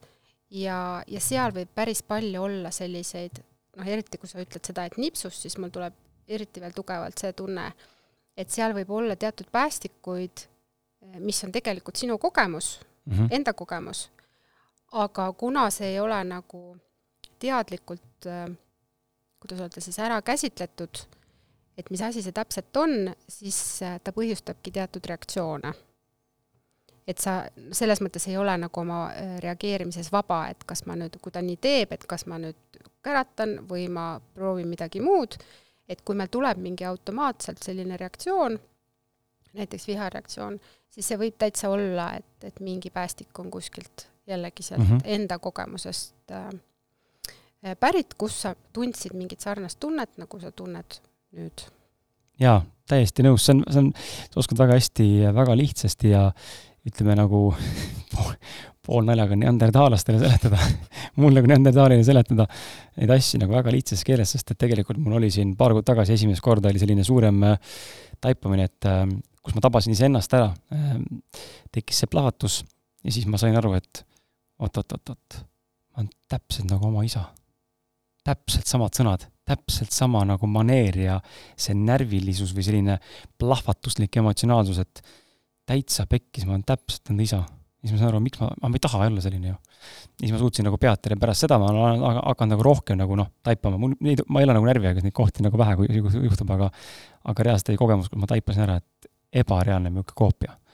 Ja, ja see ongi seesama, see sotsiaalse õppimise tulemus, et vahet pole, kas see on pluss või miinusmärgiga, sa õpid selle ära ja kui sa ise oled lapsevanem sarnases rollis, siis sa kasutad seda, mis sul on mm -hmm. nii-öelda õpitud isegi kui sa mõtled, et sa näiteks ei tahaks seda kasutada, aga vot ongi siis, kui sa saad see taipamise, siis tekib see valiku koht, et kas ma tahan selline olla või mitte ja kui ma ei taha, siis loodetavasti sellest piisab, sellest taiplikkuse, teadlikkuse kasvust, et mingil hetkel siis ma taban ära, et aa, praegu on jälle see koht ja vot nüüd ongi see, et mis ma siis tahan teha. et automaatselt ma juba tean, kuidas ma teeks, eks ju, nii nagu isa aga et kuidas ma tahan teha, milline isa mina tahan olla, noh, mina tahaks seda olukorda nii lahendada ja siis võib-olla natuke on seal äh, iga kord ei tule välja või pärast tuleb nii nagu, nagu tagantjärgi tark oled, aga siis mingil hetkel juba hakkab tulema mm. -hmm. me rääkisime siin äh, enne sellest just nimelt tõid nagu näite, kuidas need tülid hakkavad ühest kommunikatsiooniprobleemist pihta ja eskaleeruvad siis täiesti kuskile mujale, on ju, teise paralleeluniversumisse, et mulle tundub, et äh, armukadedus on kuidagi ülemineku nagu next samm selles kommunikatsiooniprobleemis, et see võib täiesti, noh, tihtipeale tegelikult armukadeduse puhul ju üldse ei olegi põhjust armukade olla, ega pole ka nagu reaalset põhjust, et keegi oleks kuskil partnerina olemas nii-öelda kolmanda isikuna või siis kolmas ratas vankri all, aga meil tekib tunne, et ah, sul on keegi, jah mm -hmm., kus ta on, on ju, too oma telefon. et aga see on teinekord nagu nii, nagu selles mõttes äh, noh, illusioon, et äh, äkki natuke selgitad äh,, kas ma nagu tajun või tunnetan õigesti äh, või on meil sa-, sarnane nagu tunnetus ja selgita ka, mis asi on armukadedus ja kuidas see tekib? või miks see tekib üldse no, meil? armukadedus natuke on seotud ka selle kiindumusstiiliga, eriti kui ma mõtlen nagu ärevale kiindumusstiilile, et siis, kui sa nagu näiteks pidevalt kardad või noh, ütleme, usud, et maailm ei ole turvaline paik ja inimesed ei ole sellised, kes sinu kõrvale jäävad igal hetkel ja on olemas ähm,. ja ärevkiindumus on siis see, kus sa ikkagi nagu väga tahad äh, kellegagi koos olla, sa vajad seda, sa kardad üksi jäämist, kardad, kardad, et sind nagu hüljatakse äh, olulisel või nagu sellel nõrkuse hetkel ja siis äh, kipud nagu natuke klammerduma. ja siis sa tuunid ennast nagu märkama ka igasuguseid Äh, päris või, või kujutletavaid äh, mis on sama võimsad, ohumärke. ja sellest võib saa-, ja need võivad hakata elama täiesti oma elu. et kui ma tunnen, et sa oled must liiga kaugel ja mul on vaja, et sa oleks mulle lähemal, et natukenegi nagu minu seda ärevust maandada, ja siis ma veel näen, et sa nagu hoidsid telefoni käes, aga ma lähenesin sulle, siis sa panid ta ära siis mul on palju kergem seda seostada sellega, et nii, nüüd sa järelikult tegid midagi, mida sa ei taha, et ma näen, ja nüüd panid umbes endal sinna ära. mitte näha seda sellisena, nagu see näiteks on, et, et sul oli telefon käes, ma tulin, sa arvasid, et ma tahan sulle midagi öelda, niimoodi panid telefoni kõrvale. ja noh, neid, neid väikseid asju võib ju olla väga palju. ja mida rohkem sa nagu sinna sisse satud, seda rohkem sul on võimalik mõelda, et nii ongi, et sa nagu lood seda iseenda reaalsust. Mhm. ja kahjuks sellisena, mis sulle see, nagu see ei meeldi, aga sa vist ise ei saa sellest arugi, et, et võiks öelda siis stopp. ja muidugi huvitaval kombel, kui sa siis nagu konfronteerid teist, et kindlasti on keegi või mis sa vaatasid seal praegu telefoni, ja siis, kui teine näiteks vihastab, siis see mitte ei ole nagu, et huh, õnneks nagu Eh, vist ma eksisin, vaid see on veel rohkem nagu kahtlane, nii, ja miks ta vihastas, sest ta oleks võinud mulle rahulikult öelda, kallis, ei ole mitte kedagi teist ja kallistada mind. ja kõik oleks olnud hästi, aga näed, ta vihastas, järelikult on põhjust varjata midagi. ta arvab, et nüüd ma olen tal jälil, hakkab eitama. rünnak on parim kaitse jälle me jõuame selleni, et äh, kui me näeme jälle, et see, et kui on ainult see endapoolne narratiiv, siis ongi väga lihtne eeldada ja oletada midagi, mis tegelikult ei pruugi üldse tõene, tõele vastata, on ju. aga samas, ega vaata, kui sa ei ole valmis ka kuulama nagu teist poolt ära ja uskuma, et see võib olla ka tõde, noh siis, siis, siis ei jõuagi kuskile välja mm, -hmm. sest ega ma võin sulle rahulikult öelda, et ei, kallis, et ma ei teinud midagi, eh, lihtsalt sa tulid, eh, ma panin telefoni kõrvale, et kuulata, mis sulle öelda on, no näita siia. Ja siis noh, näitad, eks ole, hakkad seal otsima, aga sa ei võta seda niimoodi, et äh, aa, et ei olegi. ei, sa kustutasid kindlasti ära, enne kui ma nagu noh, jälile sain või ühesõnaga, et, et mingil hetkel inimene juba ise otsib nagu sellele samale kahtlusele kinnitust mm -hmm. ja ta ei ole valmis enam kuulma, et tegelikult see kõik on väljamõeldis. et sellest on kahju. see on äh oota, tekib uus küsimus siia juurde, et kuidas siis armukadest lahti saada, ma üritan nagu mõelda korra, et noh, mul on küll suhteid vähe olnud, ka kolm niisugust tõsist suhet elus üldse, noh, ütleme, tegelikult on täna ainuke tõsine suhe, äh, aga eelnevad on siis puberteedieas, mis kestsid siis aasta või niimoodi. ja ma mäletan, eelmises suhtes siis ma olin äh, väga armukade, hästi klammerduv, sain aru sellest, et ma olen tänaseks aru saanud ka, et minu armastuse keel on äh, või noh, üks viisidest, kuidas ma nagu tahan armastust anda ja armastust saada, on ka füüsiline kontakt ja hästi selline äh, kuidas öelda nagu kakskümmend neli, seitse, kolm, kuus, viis korda kaks või ruut juures, juures koos, on ju, kogu aeg koos. Õnneks tänane partner on mul identne koopia, me tahame kogu aeg kõiki asju koos teha. ja klapp on suurepärane. eelmises suhtes ei olnud niimoodi, ma lõpuks siis sain aru, ma lämmatasin ja see oli väga valus, sest ma tegelikult tahtsin ju saada seda, mida ma andsin talle vastu ja, ja siis ma saingi aru, ma olin mingi aeg üliarmukade, nagu täiega armukade äh, ja see tegelikult lõhkus teda ja, ja mind. Endal tekitasid äh, südamevalu ja stressi ja pinget ja teda lihtsalt ajasid närvi.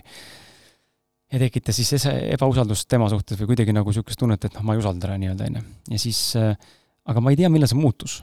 nagu ma ei tea, kus see muutus või miks see muutus, aga selles suhtes pole mul kunagi olnud armukadedust. loomulikult ka oleme vanemad natukene ja ma näen, et ka partner noh, pole ka kellegiga kellega seal võib-olla midagi teha, on ju, et et võib-olla ka sellepärast on see erinev ajastu, et noorem on ikka, käiakse läbi erinevate klassivendadega, sõpradega, ma ei tea, kus iganes trennikaaslastega, seltskond on palju kirjum, nii mees kui siis äh, naissugu poole pealt, et aga mis sina arvad, et mis on sinu kogemus nagu selle osas, et kuidas, kuidas seda armukodusest lahti saada äh, või mis aitab sel-, mis aitab sellest nagu, sellest, sellest illusioonist äh, või pseudohirmust nagu vabaneda?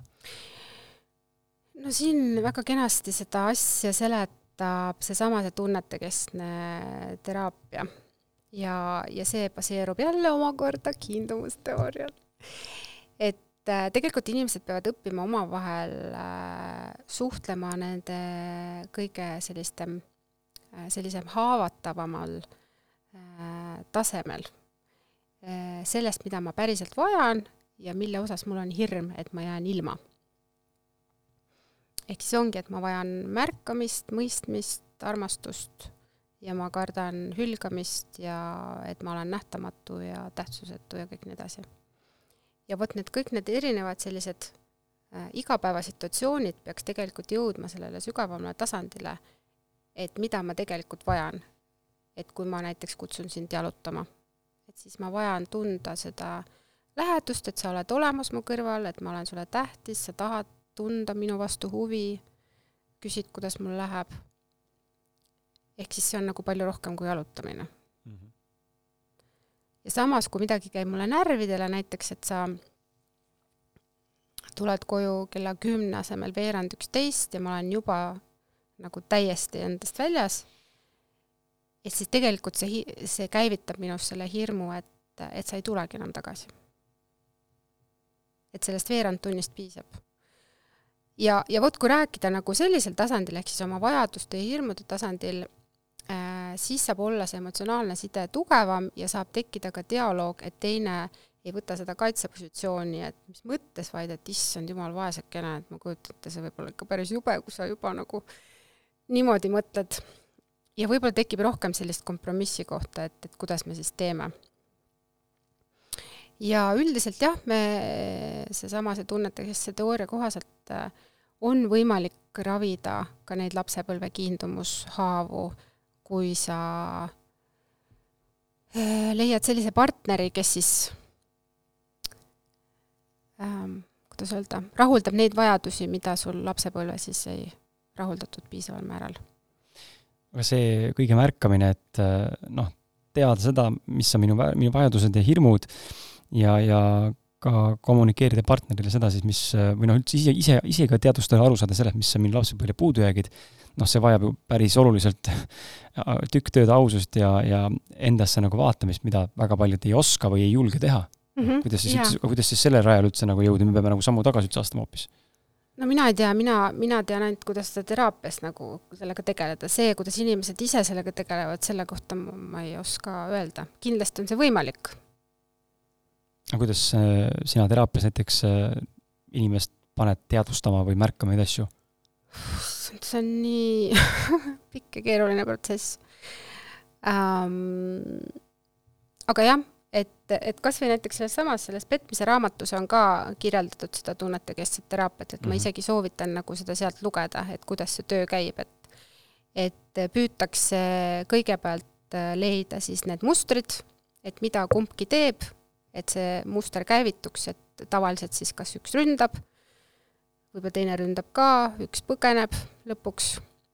et kuidas see siis käib, see nii-öelda destruktiivne muster.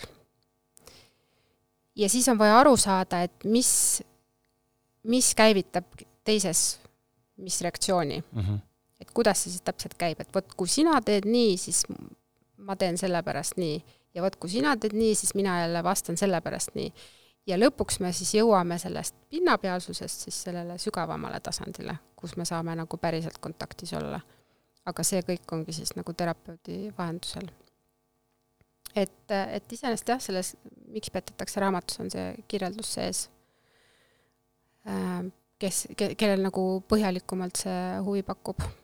ja siis aidatakse üles ehitada selline äh, konstruktiivne dialoog omavahel mm. -hmm ja seda peab kodus ka harjutama, et, äh, et sul nagu tekiks see harjumus, et sa paneksid tähele neid kohti, kus on see koht, et kus ma muidu äh, reageeriks, aga vot, nüüd ma näen ära, see on see koht ja ma ei reageeri. nii nagu natuke me rääkisime sinust ja sinu lapsest mm. -hmm see Kärdi raamat muidu pean äh, siinkohal kiitma ka, mul, ma läbi ei, ei jõudnud lugeda seda, küll aga päris palju sai nagu lapatud niimoodi Äh, lugedes ja kui tekkis selline koht, kus tundsin, et ma ei suuda nagu infot vastu võtta, siis ma läksin edasi või siis vastavalt saate sisseehituse vajadusele, ma natuke lappasin ja mulle väga meeldis see, et seal on hästi palju noh, kuidagi hästi lihtsasti on need laused sinna loodud äh, või noh, kirjutatud, see on hästi lihtsasti kirjutatud raamat, aga ta on hästi sisutihe äh, oma, oma informatiivse, informatiivsuse mõttes. ja, ja need dialoogid, mis seal siis nende inimestega nii-öelda on, et need on ka hästi nagu annavad nagu päris palju juurde sellist autentsust ja ehedust, mis ma arvan, paneb lugeja nagu samastuma ka tihti et ahah, et näed, ma olen ka niimoodi, niimoodi öelnud võib-olla või nagu tegelikult tunnen, et jaa, mul on nagu sama asi, et et see nagu andis hoopis teistsuguse nagu kuidagi sellise nagu vibe'i sinna raamatule juurde, et see oli mhm. päris huvitav lähenemine mm. -hmm. jah, no ma tahaks ikkagi, et need raamatud oleks sellised praktilised, et, et mõnes mõttes nagu asendaks teraapiat, et mina mm -hmm. töötan ikkagi suhteliselt vähe äh, nõustamise mõttes, et ma ei tee nagu päevade kaupa neid nõustamisi, et see on päris raske töö. ja siis ma olengi mõelnud, et kuidas, kuidas nagu aidata inimesi äh, siis äh, niimoodi, et, et ma neid üks-ühele või kaks ühele või mis iganes nõustamisi ei tee, rohkem, kui ma suudan ja siis ongi raamatud on üks viis ka inimesteni jõudmiseks. võib-olla peaksid hakkama mõtlema ka eh, mingitele, ma ei tea, online eh, ma ei teagi e, e-kursustele, mis on hästi sellised jaa, no vot, need kaks tükki on, aga, aga, aga millegipärast kui mul on pikk järjekord, siis ma kirjutan, et vot, et siin on need kursused ja nii edasi mm. -hmm. aga inimesed ikka ütlevad, või noh, et loe raamatut, okei okay,, loen raamatut, aga ikkagi ma tahaks ikka vastuvõtule mhm. tulla mm, -hmm. et et kuidagi tundub see usaldusväärsem, see selline äh, isiklik äh,, isiklik selline kokkupuude mm. -hmm. tuleme selle petmise teema juurde ka mm. -hmm. kuna see on osa noh, tähendab, ta ei, ei saaks, ei saaks öelda, et ta on osa, kõigil ei ole, aga ta võib olla üks osa suhetest. ja, ja kusjuures ma võin selle siduda ära isegi selle eelmise teemaga, ehk siis armukadeduse teemaga, et mm, -hmm. et minu jaoks oli päris huvitav vaadata armukadedust, kui äh, armukadedust on erinevaid liike, see on suunatud kas äh, kolmanda osapoole nagu eemale ajamiseni äh,, eemale ajamisele või siis ka oma suhte säilitamisele nii et tegelikult võib armukadedus sellisel kujul ka petmist ära hoida, kui sa selle võrra nagu püüad rohkem, ma ei tea, tood rohkem lilli või, või teed komplimente või, või veedad rohkem oma kaasaga aega või seksid temaga rohkem. et eh, armukadedus võib ka sellisel moel äh, olla täitsa nagu kasulik suhtele, et kuna sa ei taha, et su kaaslane kellegi teise äh, juurde läheks, siis sa juba ennetad niimoodi, et sa teed mingeid asju teie suhte heaks, mis kaasale meeldivad ja teid liidab. siin tekib küsimus, et aga kas selliste tegude tegemine ei ole kuidagi seotud äh, või noh, kas ei või viia selleni, et inimene tegelikult teeb seda vastu tahtmist? kumb?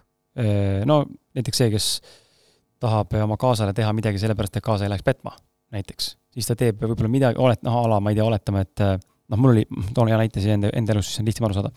et täna on, tänaseks on see probleem nagu lahenenud, tundub, et äh, coaching'u sessioonid ja iseendaga piisava töö tegemine nii minu enda kui enda partneril siis on toonud äh, tulemuse. ma olen siin saates, ma arvan, mitu korda maininud ka, et pärast lapse sündi siis äh, noh, naine niigi madal, madalama libidoga kui mina, ma olen ka mehena madala libidoga, aga, aga kõrgem kui naine oma.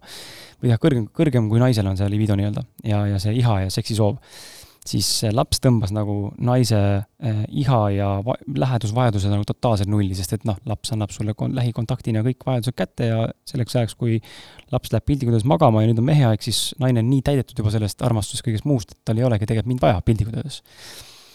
siis äh, meil ei olnud probleeme armastuse või mingi tunnetega või, või me üksteist kuidagi ei tahaks, vaid lihtsalt puudus intiimsus. ta ei soovinud minuga ennast jagada minu jaoks oli see okei okay, mingi periood ja siis mingist hetkest tundsin, et see muutub nagu talumatuks. aga nüüd on see küsimus, et kui me ka rääkisime sellest oma naisega ja, ja ta ütles ka, et tema näiteks ei suuda teha seda. et ta, ta ei suudaks teha midagi vastu tahtmist selleks, et mul oleks hea. sest et ta ei, ta ei taha ise teha, ta ise ei taha kogeda seda. seega tekib küsimus, et kas see siis ongi noh, et kas, kuidas siis nagu, mis siis seal nagu lahendus oleks, kui partner reaalselt ei taha teha eh, või ei ole võimeline tegema midagi, sest et nii suured plokid on enda sees või arusaamatused või mingid connection'id tegemata, et ta ei ole võimeline tegema midagi nii-öelda partneri heaks, et partner ära ei läheks, vaid ta on lausa võimeline leppima sellega, et partner läheb minema. vaatamata sellele, probleem puudub tegelikult suhtes, aga ta ei ole võimeline nii-öelda ennast jagama lihtsalt täna. siis kuidas, mis, mis lahendused veel saavad olla inimestel olles, ma kujutan ette, me ei olnud ainukene paar, kellel selline probleem oli või, või nii-öelda aktuaalne mingis mahus on. no siis tuleb lihtsalt oma mõtlemist muuta sellest mm. -hmm kuigi see lihtsalt, see oli nüüd natuke üleliigne, sest see ei pruugi lihtne olla. ehk siis jah, et, et äh, mõtle, mõtlemise muutus või tähenduse mõt-, muutus on üks põhiline asi, mida näiteks teraapias tehakse. Ja üks asi, mis mul kohe näiteks sinu näitega tuleb pähe, on see, et ähm, et kui me räägime näiteks seksist, et mitte ma ei tule siis mehele vastu vaid et ma tahan siis, kui me juba nagu seksime, siis ma tahan ise ka nautida. et, et teeme siis sellest sellise asja, mida mina ka naudin ja siis ma ütlen, mis mulle meeldib ja kui kiiresti ja kuidas ja kui kaua, et, ähm, et see on nagu üks asi. et kui siis mõlemad naudime. Või siis sa mõtledki, et, ähm, et kuna see on mu mehele oluline ja ma teda armastan, siis äh, ma tahan talle selles osas vastu tulla. ja noh, muidugi eeldus on, et mul endal ei ole siis halb või kuidagi mm -hmm. füüsiliselt, ma ei tea ähm,. et ma tahan seda talle pakkuda. imagoteraapias räägitakse kingitustest, mida me võime teineteisele anda, aga need ei saa olla nõudmised jah, see on äh, päris huvitav, äh, huvitav mõte või noh, head, head kaks näidet selles mõttes, kuidas äh, sedasama siis ähm, noh, partneri vajadust nagu ümber mängida enda jaoks, et mhm. oleks mm -hmm. nagu lihtsamini, ma ei tea mm -hmm., seeditavam, siis sööd, söödavam nii-öelda see mõte enda jaoks. sest äh, alles hiljuti ma kuulasin ka ühe seksoloogi, kellega ma olen isegi koos töötanud äh, seal abielusaates äh, intervjuud ja tema ütles äh, et naistel on põhjusi seksimiseks, noh, ma jälle panen puusse, aga oletame seitsekümmend kolm, et sa võid valida, et ainult üks neist on mingi tohutu suguiha või, või mm -hmm. kirg või, aga neid on väga-väga palju. päris huvitav, polegi, pole kuulnud seda varem, üritan nagu mõelda, mis need põhjused on, aga noh, niimoodi vaata ei tea, on ju noh, see võib olla ka väga praktiline, et, et ta on aidanud mind täna lapsega ja ma mm -hmm. tahan oma tänulikkust niimoodi väljendada sellisel moel, nagu talle on oluline mm. -hmm. mis sa arvad, äh, kui me räägime, tuleme selle petmise juurde tagasi, siis äh, kummad äh, sinu statistikal kogemusena petavad rohkem, kas, kas naised või mehed ja, ja mis sa arvad, millest see tuleneda võib? minu jaoks ei ole sellist äh, sugude erinevust, aga, aga ma vaatasin ka, et ähm, et mida uuringud on näidanud, on, et näiteks kui me siin kiinusest olen nii palju, oleme rääkinud, siis võiks ju jätkata. Mm, -hmm. et äh, ärevalt kiindunud naistel on rohkem kõrvalsuhteid, ehk siis nendel naistel, kes tunnevad, et nende partner on liiga kaugel. Ja nad justkui juba loovad kõrvalsuhte selleks, et, et mitte ei jää üksi, et neil on see hülgamishirm, et nüüd kohe-kohe mees läheb niikuinii nende juurest ära, kuna ta on nii kaugel, tal on juba tõenäoliselt oma elu, ta ei vaja teda ehk siis mees ei vaja naist, et siis nemad sageli loovad kõrvalsuhteid äh, kas või ka selle hülgamishirmu pinnalt. ja et olla siis kas või kellegagi lähedane. jah.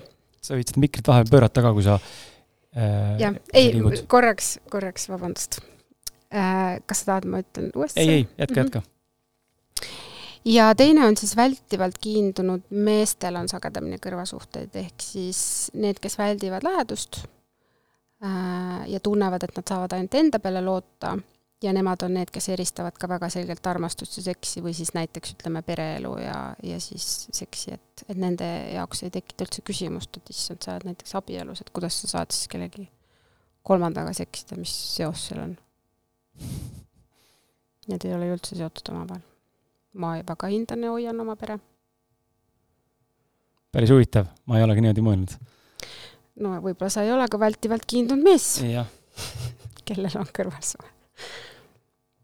aga jah, seda uuringud on näidanud, et ärevalt kiindunud naistel ja vältivalt kiindunud meestel on sagedamini kõrvalsuhteid. nii et ikkagi mehed on sead tuli, tuli ära läbi lillede ja väga nagu allegooriliselt ikkagi tuli ära see, et mehed on sead vaata, see on üks asi, mis inimestele üldse ei meeldi et kui pannakse sõnu suhu, ma kujutan ette seda tunnet. mis mõttes? ma ei öelnud seda. ja siis vastu, et aga sa ju ütlesid just ju. jah, minu arust küll ütlesid okei okay., ei, väga lahe, väga lahe ähm,. millised on ähm, milliseid taipamisi oskad sa ise enda, enda nagu mingitest äh, isiklikest suhetest nagu jagada inimestega, kas mingi üks taipamine või millised on sinu suurimad õppetunnid äh, just nagu selles vallas, et noh, me korra saate alguses puudutasime, eks ole, armuvalu on ju, südamevalu, aga nagu see võib olla ka midagi positiivset, see ei pea olema ainult äh, seotud nagu negatiivse kogemuse või negatiivse, negatiivse emotsiooniga. et ähm, mis on need sinu nagu taipamised, äh, milline suhe sul täna on või, või milline on varasemalt olnud või mis on, mis on muutunud, et suhe läinud paremaks või üldse kogu selle juures, mis sa nagu soovitada? ütle nüüd ühe lausega veel see viimane küsimus. et mis sa oskad soovitada inimestele, kes meid kuulavad? et siis suhetes? jaa, suhetes just, jah, jah no täiesti üldiselt praegu. jaa, täiesti üldiselt, hästi, hästi laia mm, -hmm. hästi laia kontseptsiooniline okay, küsimus okay.. sellepärast võib-olla ma kadusingi ära, et see oli nii lai, et ma mõtlesin, kus ma, mis ma nüüd ütlen. täpselt nii, nagu tunne ütleb. seda, mis okay., mis tahab tulla. okei okay.. no ma arvan, et on, äh, kannatlikkus on kindlasti voorus.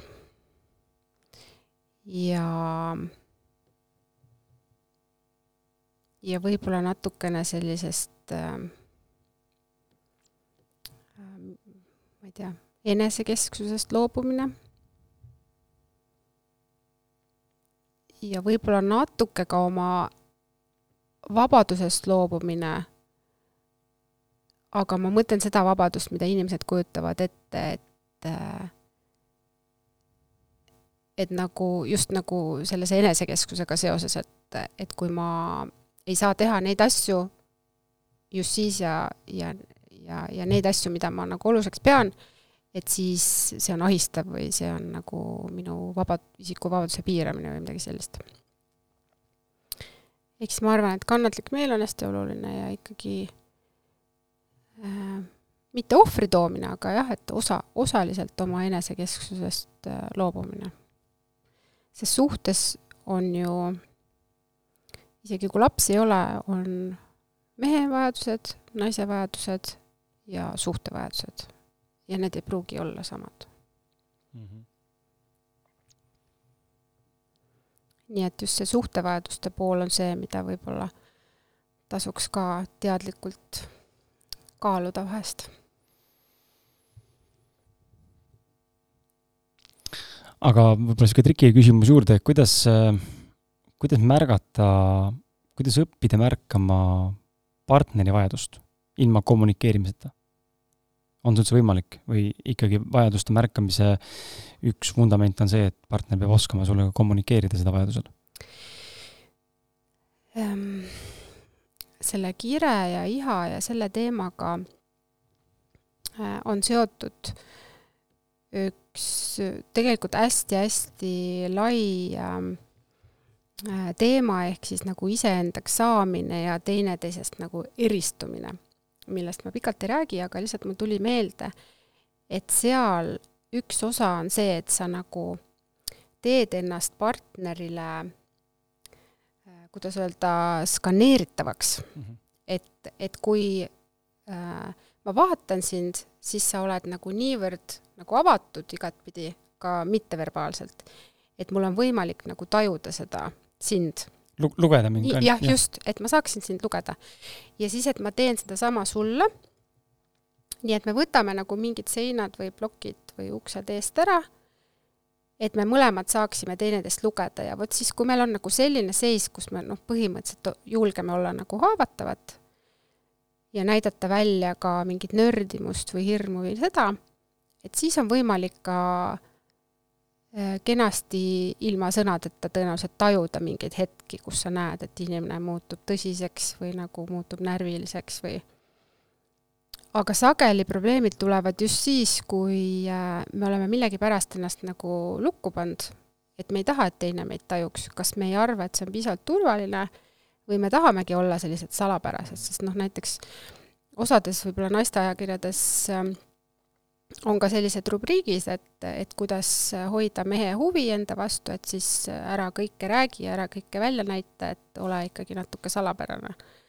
et, et siis noh, võib-olla ka nende õpetuste järgi osad toimetavad, et siis, siis lähebki valesti. et sa nagu ei anna seda õiget äh, signaali välja, püüad seda ise kuidagi džämmida või moonutada kujutan ette, et äh, praegu paljud võib-olla tahavad vastu vaielda, on ju, et Kärt ei tea mitte midagi, et ikka salapära peab olema, vaata, no ma ei tohi midagi rääkida mehele. et ma ise olen ka sinuga seda, selles mõttes seda meelt, et äh, mind mehena salapära ei tõmba. minu jaoks tekitab see just nimelt selle, et ma näen, et naine ei ole äh, lõpuni kontaktis endaga ja ta ei ole valmis ka jagama ega tegelikult näitama seda haavatavat poolt, mis on tegelikult väga oluline, mina mehena täna oskan seda näidata suudan ka ja julgen. Ja ma kujutan ette, ka meestel on väga raske, teatud, teatud meestel on väga raske seda teha, usaldamatuse või mis iganes muu tunde põhjal, aga seda on jah, minu jaoks tundub ka, et see salapära on kuidagi pigem nagu turn off, et jah, ta ei tohi olla nagu varjamine ähm et kindlasti ma ei mõtle, et iga hetk peab olema iga mõte välja öeldud, aga just ma mõtlen, et, et noh, et, et kui sa nagu olulisi asju lubad partneril enda kohta tajuda mm, -hmm. Et siis see on, see on, ma arvan, abiks. vahest sa lihtsalt ei jaksa öelda näiteks, et ma olen nii väsinud, et kas sa saaksid, ma ei tea, ise süüa teha või ise lapsega mängida või ja siis vot, kui teil on nagu selline äh, suhe, nagu ma praegu kirjeldasin, siis sa vaatad seal oma naist, eks ju, kes seal noh, küll istub seal põrandal lapsega, laob mingeid klotse, aga noh, hakkab nagu vaikselt ära vajuma ja niimoodi nokkima vaikselt mm. -hmm. ja siis ütled, kuule, mine viska korra pikali, ta ei ole sulle mitte midagi öelnud. ta on valmis tegelikult seda edasi tegema. aga sa tajud, et ta on väsinud ja tõenäoliselt ta eelistaks midagi muud. ja ta ei ole sulle etteheitvaid pilke saatnud, et no kas sa nüüd lõpuks aru ei saa, teil ei ole selliseid võimumänge, ja siis, kui sa seda ütled, siis ta on sulle nii tänulik. et nii tore, et sa märkasid. aga tegelikult see algas temast endast, et ta üldse nagu julgeb olla selline ehe ja avatud. ja õhtul saad seksi. Nali sul on nii toredad järeldused mehed on sead ja õhtul saad seksi seinast seina hästi äärmuslik kohe vaata, kohe lõpp, lõppmäng kohe kätte, et äh, ja ei, ma tegin nalja, aga ei. aga kusjuures see ei ole välistatud. absoluutselt, selles mõtlesingi. ei ole garanteeritud, aga, aga see ei ole välistatud et, et tõenäosus on alati olemas, võim-, võimalikkuse see loob. jaa, ma olen nõus, et, ähm, et see on päris, päris oluline oskus nagu lugeda noh, partnerit ja eks üha rohkem õpin ka enda partneri pealt nägema, kuidas, kuna tema on suurem osa lapsega, noh, ma olen ka väga palju kodus, aga väga palju asju on äh, seotud mul tööasjadega, mis lihtsalt võtavad väga palju aega ära ja tihtipeale ma olengi siis hommikuti ja päeval olen mina, kuni siis lapse nagu unejärgse mingisuguse ajani olen nagu mina, teen oma, oma asju täiega ja siis hakkan talle vaikselt nagu aega andma ja muidugi vahepeal tükeldan ka, kui vaja on. aga ongi näha tegelikult, et õhtuti on just see hetk, kus noh, või õhtupoole pigem ongi hetk, kus naine nagu on täitsa sihuke, et sa juba näed ära, et tegelikult tahaks nagu, et ma läheks mängima ja siis, kui endal on mingi noh, ei ole hea olla endaga, sa oled veel konkreetsel päeval näiteks, siis on väga raske minna pakkuda nagu heast südamest seda abi, kuigi sa tahaks lapsega olla, midagi lapse vastu ei ole aga vahel on see tunne, noh, võib-olla ma olen imelik vanem, lapsevanem ja võib-olla öeldakse mulle, et issand, sa oled nii nõme isa, aga ma reaalselt teinekord tunnen, et äh, fuck, no ei taha minna lihtsalt, ei taha, noh, ma ei taha seda kuradi puslet kokku praegu panna, noh. aga samal ajal tegelikult lapsega tahaks koos olla. Aga kuna ta on nii väike, on ju, siis ei saa talle nagu noh, mis ma ei võta teda sülle ja vaata koos nutitelefoni, et see ei ole normaalne, on ju, ma ei tee ka seda. aga lihtsalt, et äh, mingis hetkes tunned nagu, et tahaks, peaks nagu aitama, aga tahad, ma annan sulle ühe abistava mõtte selle nii, kohta? nii, tulista. et ähm, noh, ilmselgelt sellest hetkest saab niimoodi üle, et sa mõtled sellest nagu lapse vaatest, eks ju mm. -hmm.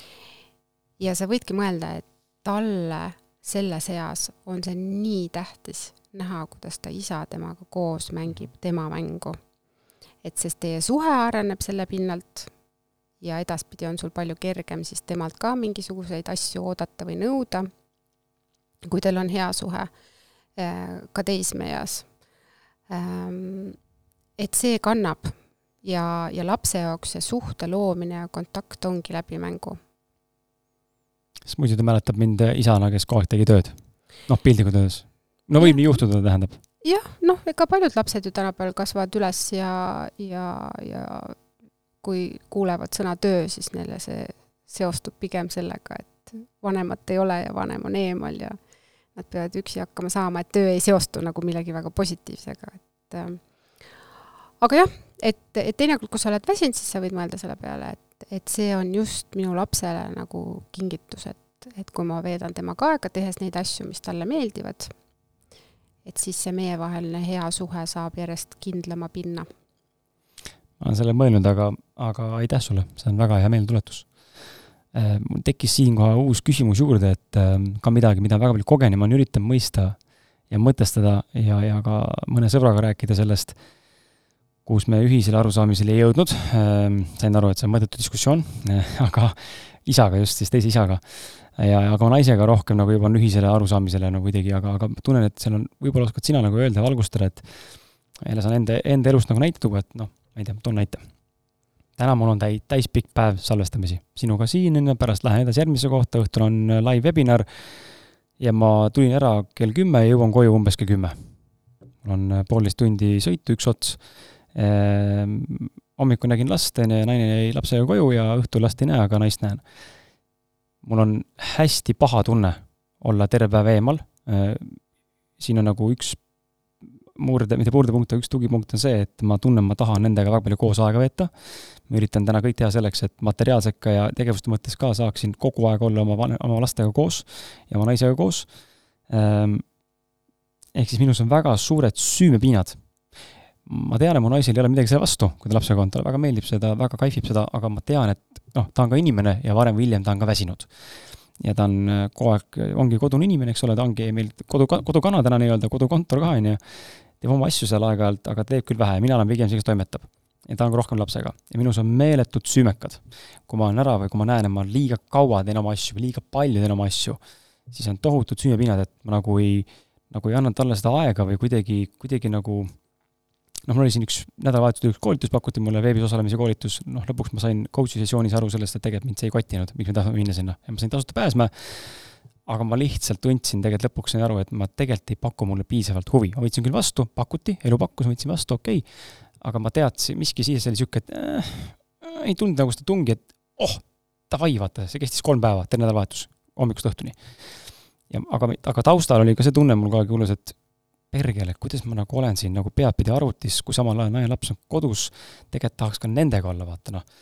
ja siis ma saingi aru, et mul on nagu tohutud süümekad.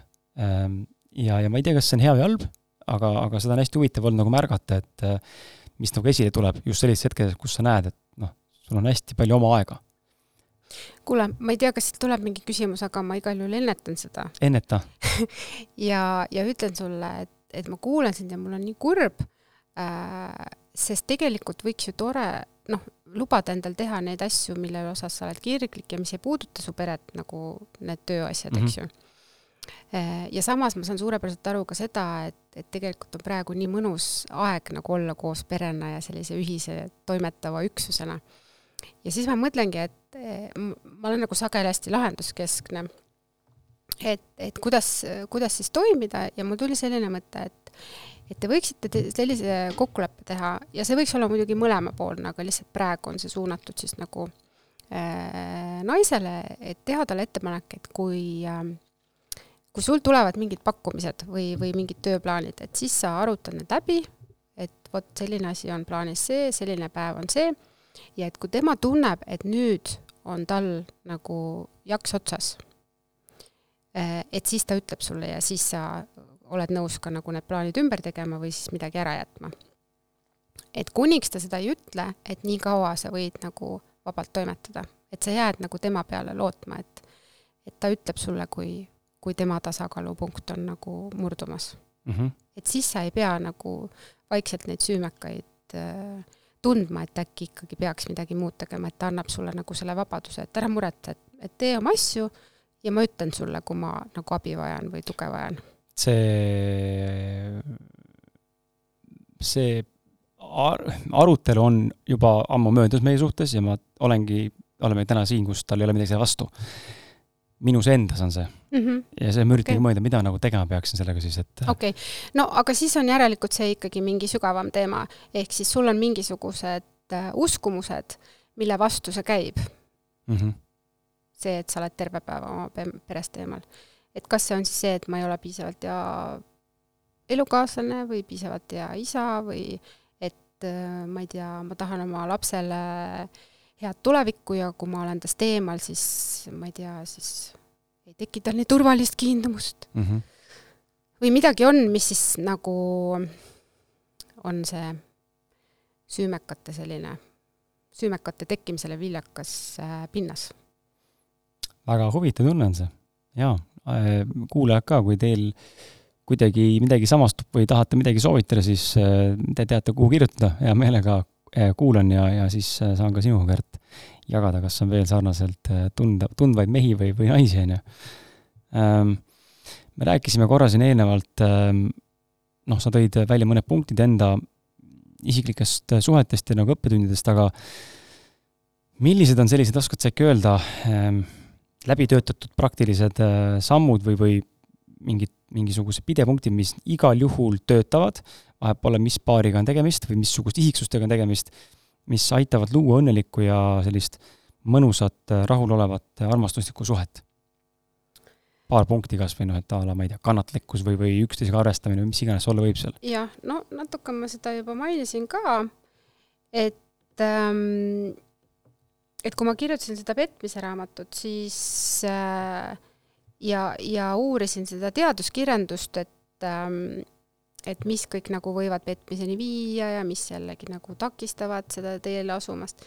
et siis tegelikult tuli nagu selline kokkuvõte, et ja ma ütlen, et see oleks ideaalne, nii et, et ma ei, ma ei eelda, et kõik seda suudaksid teha, aga ütleme, et ideaalne oleks see, et kui sa oled aus ja ehe, nii nagu me siin rääkisime, eks ole, julged olla haavatav äh,, rääkida nii-öelda oma hirmudest ja, ja vajadustest äh,, ennast analüüsiv, ehk siis äh, mitte lihtsalt ei põrgata mingeid asju tagasi, vaid ikkagi nagu seedid ka endas läbi, miks ma nii käitun, miks ma nii praegu ütlesin, mis see võib tähendada äh,. suhtlemispool ka siia juurde, taktitundeline suhtleja. et ikkagi nagu ei ironiseeri liigselt või ei tee sapiseid märkusi kus sa tead, et tegelikult korraks on mõnus kellelegi ära mhm. panna, aga pärast on halb ähm,. ja hoidud äh, nendest asjadest, mis sa tead äh,, teisele võivad väga haiget teha. sest seda ikkagi nagu tagasi ei ole võimalik keerata, et sellest on võimalik nagu edasi minna. aga see noh, ikkagi midagi on nagu murtud või sama asja enam tagasi ei saa. ja siis see turvaline kiindumus võiks seal olla, aga noh, selles osas me ise saame natuke vähe ära teha, saab muidugi nagu täiskasvanu, nagu ma ütlesin, oma partneriga teraapias sinnapoole liikuda. ja võib-olla need ongi nagu need põhilised asjad. et aus ja ehe, piisav eneseanalüüs taktitundeline suhtleja, noh, turvaliselt kiindunud või teel sinnapoole ja, ja hoiduda nendest tegudest, mis äh, võivad teisele väga haiget teha. ma tahaks äh, omalt poolt lisada siia ühe sellise mm, oma kogemuse ja ma tahaks küsida, mis sina nagu arvad sellest nii suhteterapeudina või siis äh, lihtsalt inim-, inimese psühholoogiat käsitletava inimesena, et äh, see ausus ja avatus ja läbipaistvus ja, ja see filtrite olemine teineteisega, et ähm, siia siis ka juurde see salapära, eks ole, mis siis äh, nii-öelda neid siis Delfi naistekas võib-olla soovitab, on ju. et äh, kõik see kombo kokku, et kui oluline on see äh, näiteks, et partnerid äh, teevad teineteisest läbi lõhki asju äh,, ma ei tea, teevad, teevad väga palju asju koos äh,, võimalikult palju asju koos, no mina, mina saan rääkida enda kogemust ainult, aga see on kindlasti minu suhte üks äh, ma arvan, tänase eduka suhte üks põhiväärtuseid, et kõiki asju võimalikult palju koos teha Ehm, ja, ja mis ma näen, on läbipaistvuse all just mõtlen seda, et äh, a la ma ei tea, ma ei häbene partneris pissida või, või ma ei tea, vetsus olla. mis väga, väga paljude jaoks on selline, et õõ, nagu et mida, ma tahaks ära minna. siis meie jaoks on pigem see elu terve nagu olnud, et äh, kui palju sa näed seda, et kas, kas see on pigem ohtlik, võib ta muutuda ohtlikuks või see on vastupidi teretulnud ja inimesed peaks rohkem olema oma partneri osas nagu avatud äh, kaarti ja totaalselt vaatama on alasti um,? Üks koht, kus see võib äh, mõjuda võib-olla nagu teises suunas, kui tahaks, on seesama see iha ja kirg ähm,. et iha ja kirg on natuke seotud sellise teadmatuse, tundmatuse äh,, ootamatusega äh, ja, ja lihtsalt, kui kõik on nagu tuttav ja teada, siis siis see pool just nagu langeb ära mm. -hmm et kui sa ütled, et koos meeldib asju teha, siis teiselt poolt jälle saab koos teha jällegi selliseid asju, mis nii-öelda väliselt siis tekitavad seda adrenaliini, et noh, ma ei tea, lähte seal džetiga äh, sõitma suvel kuskil järve peale ja mõlemad kiljute ja esimest korda ja nii äge ja natuke ohtlik ja et see tunne võib küll üle kanduda pärast siis näiteks ka magamistuppa ähm,. aga jah, et, et kuna nagu selle kire ja ihaga seondub pigem selline teist, teisest, teistmoodi asjad kui see, mis sa praegu kirjeldasid, siis see võib olla üks asi, mis, mis kannatab. aga kui sa ütled, et näiteks teie mõlema libido on piisavalt madal äh, ja samas näiteks teie jaoks seks on rohkem nagu selline äh, kuidas öelda, veel üks viis armastust jagada mm -hmm. omavahel, et seal ongi vähem tegemist kirega, et siis see võib olla ju ikkagi ilus ütlesid jälle väga hästi. ütlesid jälle väga hästi just nimelt, et üks viis, kuidas siis jagada nagu armastust, sest tihtipeale seksi seostatakse noh, lihtsalt kire või nagu tegemisena või tegevusena, aga, aga ma olen alati olnud mehena vähemalt seda meelt, et et äh, seks ei ole kõige tähtsam osa suhtest. jah, ta on oluline, ma ei saa vastu vaielda, aga ta on pigem nagu boonus selles armastuses või selles tervislikus suhtedünaamikas, mida ma saan siis jagada oma tundeid jagada nagu seksuaalse tegemise kaudu, et kuidagi palju nagu tunnetepõhisem on see mm. -hmm, just, ja niimoodi võib olla omavahel hästi sügavas kontaktis äh, nagu emotsionaalses mõttes ka. et kui te tõesti olete nagu üksteisele täiesti avatud, et see võib olla midagi sellist, mida, millest paljud ei oska unistadagi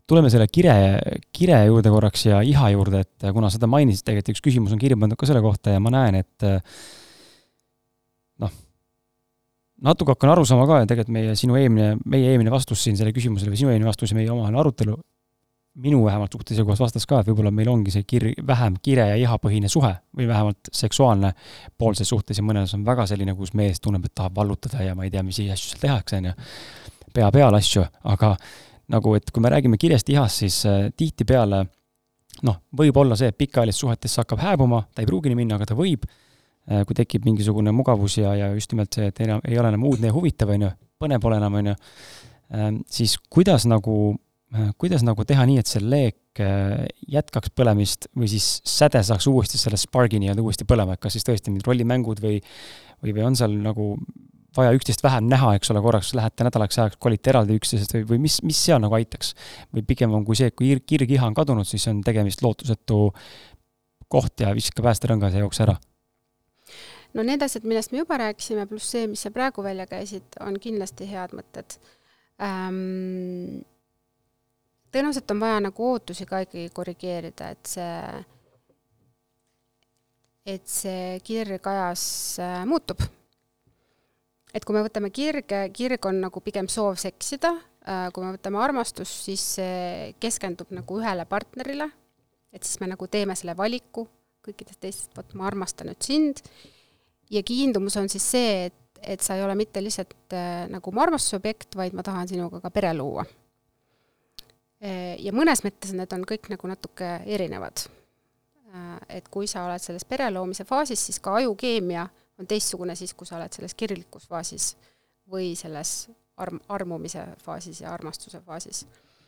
et, äh, et selles mõttes on see loomulik ja ma arvan, et kui inimesed seda endal äh, nagu äh, oleks sellest teadlikud, siis võib-olla ei oleks ka põhjust nagu nii murelikuks muutuda äh, ja anda sellele sellist äh, tähendust, et issand, et nüüd on kirg otsas ja nüüd peaks laiali minema. et meil muud ju ei olegi või mis siis veel või võib olla meie vahel. Ehm, üks asi, mis mul lisaks nendele näidetele, millest juba oleme rääkinud, äh, pähe tuli, oli ka see, et ähm, et me peaksime tegelema sellega, et olla teise jaoks huvitavad.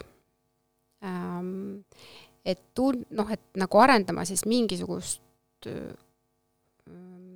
huvi ka nagu kõrvalt, millega teisest rääkida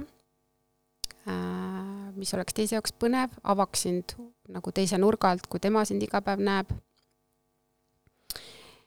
ehk siis ei tasuks jah, muutuda nagu võib-olla liiga laisaks, et et, et nagu selline ärksus ikkagi säiliks, mhm. huvi elu ümbritseva vastu et pigem jah, et, et nagu võtta endal see vastutus, olla teise jaoks huvitav, mitte nagu nõuda teiselt, et noh, et aga ma ei tea, tee midagi lõbusta mind.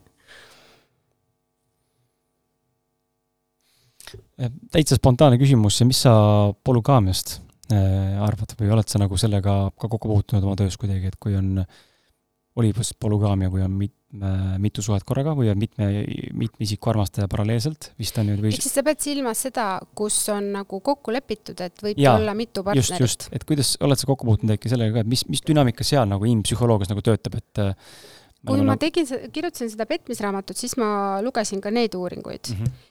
ja, ja see on huvitav, et, et paljud ähm, monogaamses suhtes olevad inimesed justkui nagu igatseks seda, et vot kui oleks võimalik mm. elada sellises suhtes, et kui, kui palju probleeme jääks olemata.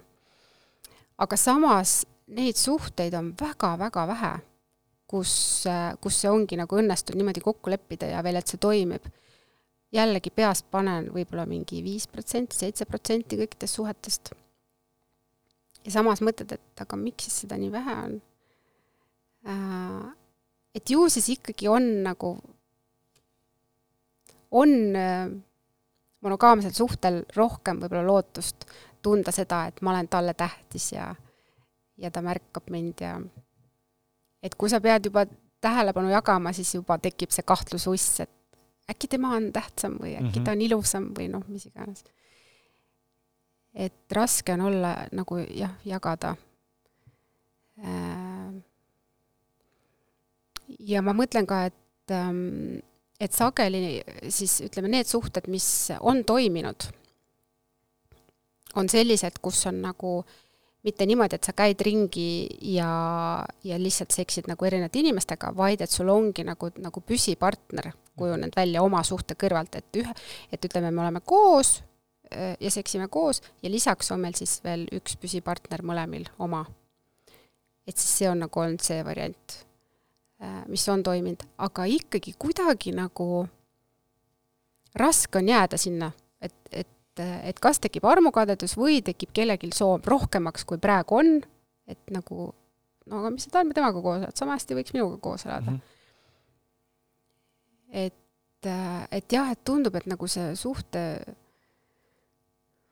suhtevorm mingisuguseid vajadusi siis ei täida, et see nagu ei, ei, kestvalt ei paku seda õnne või rahulolu, vähemalt nagu lääne tsivilisatsioonis mm -hmm.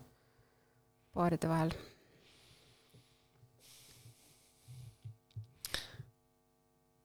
mul ei ole küsimusi rohkem. ehk siis äh, kas äh, on midagi, mis sa tahad äh, ise veel öelda või millele peaksime tähelepanu suunama? aega meil on. Ja ma mõtlen just, et, et nagu see kõik on olnud nii mõnus kulgemine ja kui ma nüüd järsku hakkaks lihtsalt sellest petmisest rääkima, ma ei teagi, kuhu me välja jõuaks. aga, aga iseenesest ju, ju natuke võib äh, rääkida suhetest ka petmise kontekstis mm, -hmm. et kas või nagu see, et, et mis soodustavad seda mm. -hmm, ja millest võib-olla hoiduda ähm,. Et näiteks üks asi, mis, mis ma jällegi nagu seda äh, uurimustööd tehes avastasin, oli see, et äh, et sageli see äh, noh, ütleme, kui võtta petmine kui äh, kas omavahelise truudusetus äh, omavahelise kokkuleppe rikkumise mõttes või siis nagu mingisuguse suhte mõttes kindlustunde kaotamisega seoses. Et siis laias laastus on ju nagu kahte sorti petmist, on see emotsionaalne pool, kus sa lood mm -hmm. tugeva emotsionaalse sideme kellegi kolmandaga. või see on kättemaks, emotsionaalne võib ka kättemaks olla, ei või? partnerile, lähen petan kedagi sellepärast, et ma tahan näidata midagi, et a la mind märkaks või? ja, ja need motiivid jaa, aga ma mõtlen lihtsalt, et see võib olla nagu emotsionaalne selles mõttes, et sa lood emotsionaalse sideme, mitte mm -hmm. seksuaalset mm -hmm. suhet. Äh, ja siis see võib olla nagu seksuaalne suhe mm. -hmm. Ja võib ka kombo olla. et siis sageli need kõrvalsuhted ehk siis petmised langevad sinna aega, kus äh, kas tuntakse nagu sellist isoleeritud või hüljatust mingi pikema perioodi vält-, vältel ja teine samal ajal siis mässab kas mingi tööprobleemidega või rahamuredega või leinaga, ehk siis kellegi kaotusega. ja siis need nagu asjad satuvad kokku. Ähm, ja kindlasti seesama, see kiindumusvajadus võib olla ka üks asi, mis siin mängu tuleb, et, et kui ma olen niikuinii, olen ärevalt kiindunud, siis need asjad nagu eriti veel öö, võimenduvad. ja vot siis ongi see, et mis tavaliselt juhtub, on see, et sul tekib kõrvalsuhte võimalus. kõigepealt tekib võimalus. väga harva nagu noh, minnaksegi, et nüüd ma lähen mm. -hmm. tekib võimalus ja siis sa nagu natuke kaalud seda enda peas. Ja sageli siis see, see kolmas siis nii-öelda nagu ahvatleb. aga see ahvatlus ei pea olema selline noh, et mingi lühike seelik ja niisugune ripspete volksutamine, vaid see ahvatlus võib olla täiesti selles mõttes süütu, et ma tunnen su vastu huvi. et kuidas sul läheb? Mhm. Kris, ma vaatan, et sa oled natuke väsinud, et kas, kas laps magab ikka hästi sul öösel, et et äh, saad korralikult välja puhata ja sa oled endal palju ette võtnud, ambitsioonikas oled oma äriasjadega ja podcast idega, et et kas selles vallas on sul mingeid muresid ja no ühesõnaga lihtsalt mm -hmm. nagu inimlikult tunnen huvi ja siis sa hakkad järsku mõtlema, et millal oli viimati see, kui keegi tundis huvi, kuidas mul läheb. et pigem on nagu see, et äh, kui ma midagi küsin, umbes ära praegu sega või, või et äh, et pigem nähvatakse, kui, kui tuntakse huvi või no ühesõnaga, et on piisav selline kontrast. ja samal ajal sa tunned nagu mingit survet või mingit kurbust või stressi, millega ei ole nagu kuidagi turvaline oma partneri poole pöörduda. ja siis on keegi, kes lihtsalt istub ja küsib, kuidas sul läheb. no ja siis, kui sa hakkad juba rääkima, siis on nii-öelda sõrm antud mm. -hmm sest siis sa saad aru, kui mõnus on, kui nagu tul-, noh, oi, räägi veel ja oi-oi, nii tark jutt ja vaesekene ja ja siis mingil hetkel, eriti kui sa tunned, et sulle on haiget tehtud oma suhtes, siis need petmist nii-öelda pärssivad plokid, mis sa oled endal muidu ette pannud, et see ei sobi ja mul on ju lapsed ja moraal ja mis iganes. et siis see plokk kuidagi, sa eemaldad selle ploki, et pekki, et nagu vaata, kuidas minuga on käitutud ja siin on see inimene ja siis, siis ongi, et mingil hetkel sa lased nagu sellel ahvatlusel siis enda üle võimust võtta. ja siis on tõesti see, et see kuidagi juhtub. nii et äh, et kui siis nagu pärast näiteks keegi küsib, et et miks sa mind petsid, siis vaat siis kuidagi see muutub nii lineaarseks, need küsimused on nii lineaarsed, et nendele ei saa vastata, siis on ju õudselt raske öelda, et et no jaa, et aga ma ei saanud ju sinuga rääkida. see, see, kuhu see jutt viib, see ei vii mitte kuskile mm. -hmm. mis mõttes ei saanud? oleks ma seda teadnud või no mis mõttes ei saanud, tule räägi ähm,. ja siis noh, ongi, mõlemad on täiesti šokis, et, et mis nüüd siis nii halvasti oli ja kuidas tema must parem on ja siis sa tunned ennast tohutult süüdi ja samas mõtled, et no aga natuke ju oli õigus ka seda teha, et mm -hmm. oli ju see, mis oli ja ma tundsin ennast nii üksi, aga noh, see ei ole see hetk, kus ennast õigustama hakata. et jah, sageli need petmise asjad on nagu sellised ähm,, kuidas öelda, nad hiilivad sulle niimoodi vaikselt ligi, ilma et sa võtaks endal pähe, nii, nüüd ma lähen petan ja see võib-olla ongi nagu võib-olla see ohukoht, et, et me ei oska nagu näha seda. et need protsessid on juba pikemat aega toimimas olnud ja siis lihtsalt on nagu mingi soodne hetk, kus see siis nii-öelda juhtub. ja muidugi pärast seda ei ole enam miski endine sa, mul oli küsimus ka, et huvitav, et aga sa vastasid küsimusele ka, et ma enda seisukohast üritasin ka kaasa mõelda, et noh, ma ei näe ennast petmas mehena, aga ma mõistan seda, et see võib muutuda ja see sinu kirjeldus andis nagu väga hea värvilise ülevaate sellest, kui, kuivõrd äh, nii-öelda libedakeelselt see võib justkui nagu oma tee sillutada sellesse kohta, et mul kaobki plokk ära, mul muutub maailmataju, on ju, ja ma olen valmis tegelikult teise naisega voodisse minema. et see on äh, päris huvitav jah, kuidas äh, see psüühika meil tegelikult nagu töötab, et äh, kui habras tegelikult see on, et ükskõik mm -hmm. kui suur su sein või vundament ei ole ka, siis see võib nagu väga lihtsasti üles sulada väga kiiresti. jaa, ja sellepärast ma kirjutasin ka, üks põhjus, miks ma selle raamatu kirjutasin, see Miks petetakse, et äh, see osa just, et käsiraamat ennetuseks, et see ongi see ennetuse pool.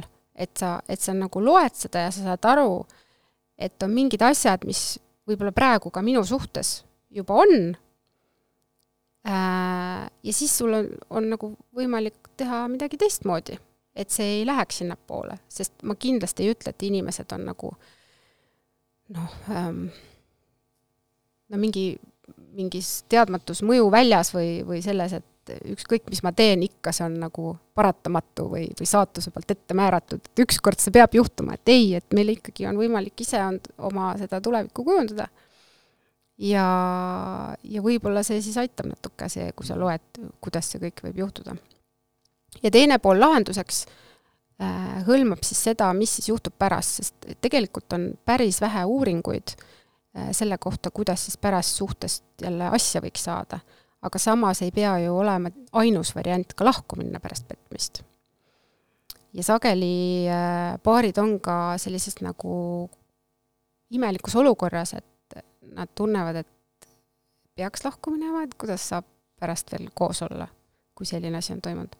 ja samas nad mõtlevad, et ma ei kujuta küll ette, et me nüüd koos ei elaks, et meil on ühine elu, kõik pere, kõik traditsioonid, et issand, ma ei, ma ei oska teisiti aga kuidas sa siis paned need kaks asja kokku? ja, ja see oli minu jaoks üks hästi huvitav koht, et, et siis äh, võttagi need erinevad teraapiad äh,, näidata lugejale näidisdialoogide kaupa äh,, kuidas seda teed siis käia selleks, et tekiks see võimalus siis koos jätkata. aga ilma alahindamata selle mõju. pigem ikkagi võib niimoodi puusalt panduna öelda, et suurem tõenäosus on ikkagi laiali minna pärast petmist mm.? mulle tundub see nagu tohutu, tohutu töö nagu mõlemapoolselt olla valmis. suurem tõenäosus on äh, äh, laiali minna siis, kui äh, seda osa, mis ühendab, on vähe ja see aeg on nagu hästi kaugele jäänud, et sa enam nagu ei, väga ei mm. mäletagi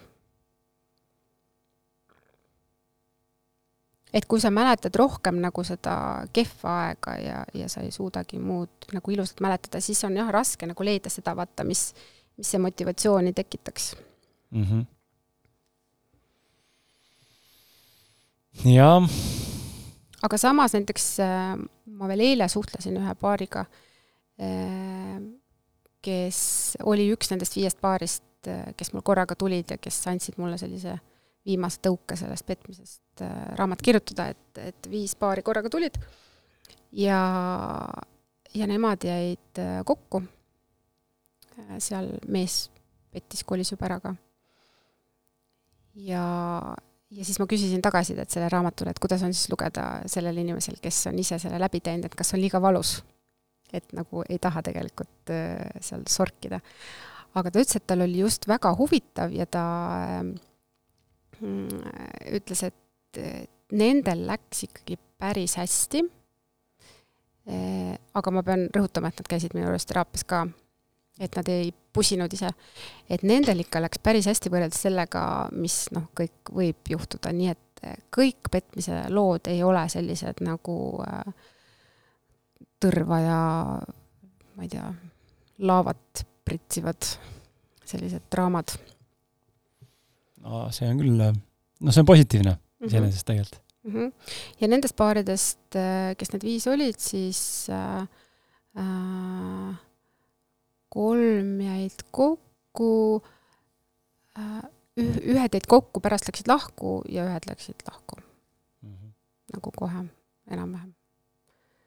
et selles mõttes ju ei ole üldse halb. ei, absoluutselt, üle, üle poole piltlikult öeldes mm -hmm..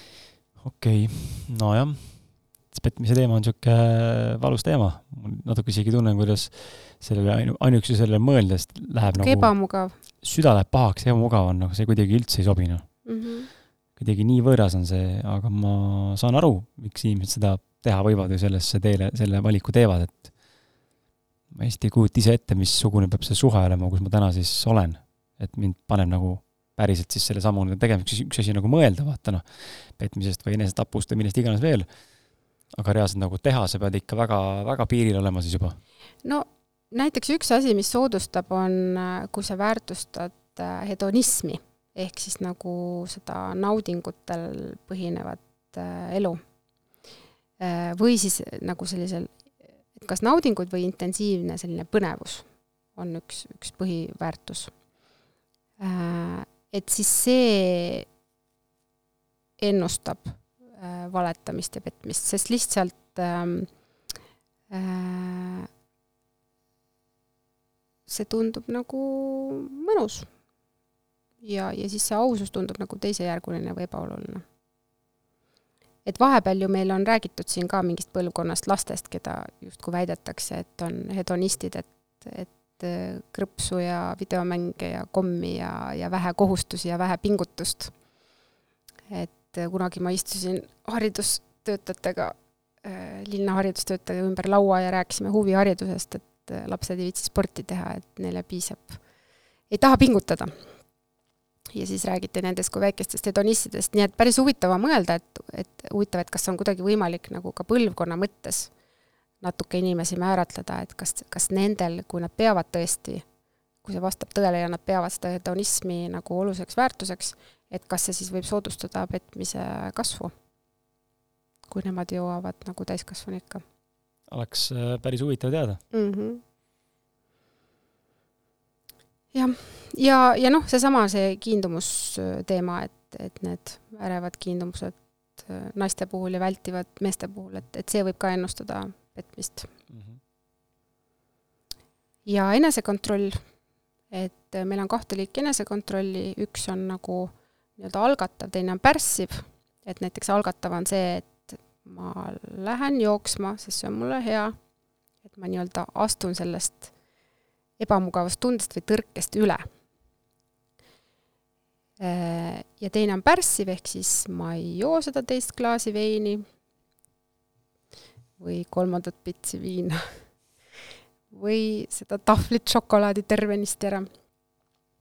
Ja, ja petmine on just nagu seotud pärssiva enesekontrolliga Äh, ja lisaks sellega, et sa nagu piirad üldiselt enda alternatiivseid valikuid, ehk siis näiteks kui sina kirjeldad, et et te teete palju asju koos, siis seda vähem on sul neid võimalusi, kus sa nagu meeldivalt aega viidad siis mingite teiste inimestega, eriti kes on, ma ei tea, vallalised ja atraktiivsed ja, ja mis kõik nii edasi, nii et tegelikult on võimalik nagu teadlikult ka oma alternatiive vähendada aga see võiks olla siis mitte hirmu pealt, vaid juba nagu loo-, loomupäraselt pigem, mitte ma nüüd ei no teadlikult, et selles mõttes, kui, kui ma, kui sa ütled, et ma ei kujuta ette, mis võiks juhtuda ja et sa ei taha selle peale mõelda või ei taha seda teha, et siis näiteks on täiesti võimalik ju oma elu niimoodi korraldada, et sa no ma ei tea, ei lähe tantralaagrisse mm -hmm. Kuskile teineteist masseerima sinna? no ja. näiteks, no näiteks mm -hmm. noh et seal ei pea midagi juhtuma, aga lihtsalt, äh, et siis sa nagu piiradki neid alternatiive ja selle tõttu neid võimalusi on vähem mm. -hmm. aga noh, sa mõtled, et äh, see võiks tulla ikkagi nagu sinu enda soovist, mitte nagu hirmust, et äkki ma võin libastuda, et ma siis sellepärast ei lähe, et jaa, äh, ikka soovist, jah. ikka see, et mind päriselt ei huvita see või mind päriselt ei tõmba sinna, et ma ei lähe lihtsalt. No võib-olla mind huvitab, aga ma ei lähe mm. -hmm. kõiki asju ei pea tegema mis huvitavad nojah, mis meil äh, veel on, tahad sa midagi veel lisada siia lõppu? Mm, nojah, vot kuidas nüüd siit helgeks minna ähm,?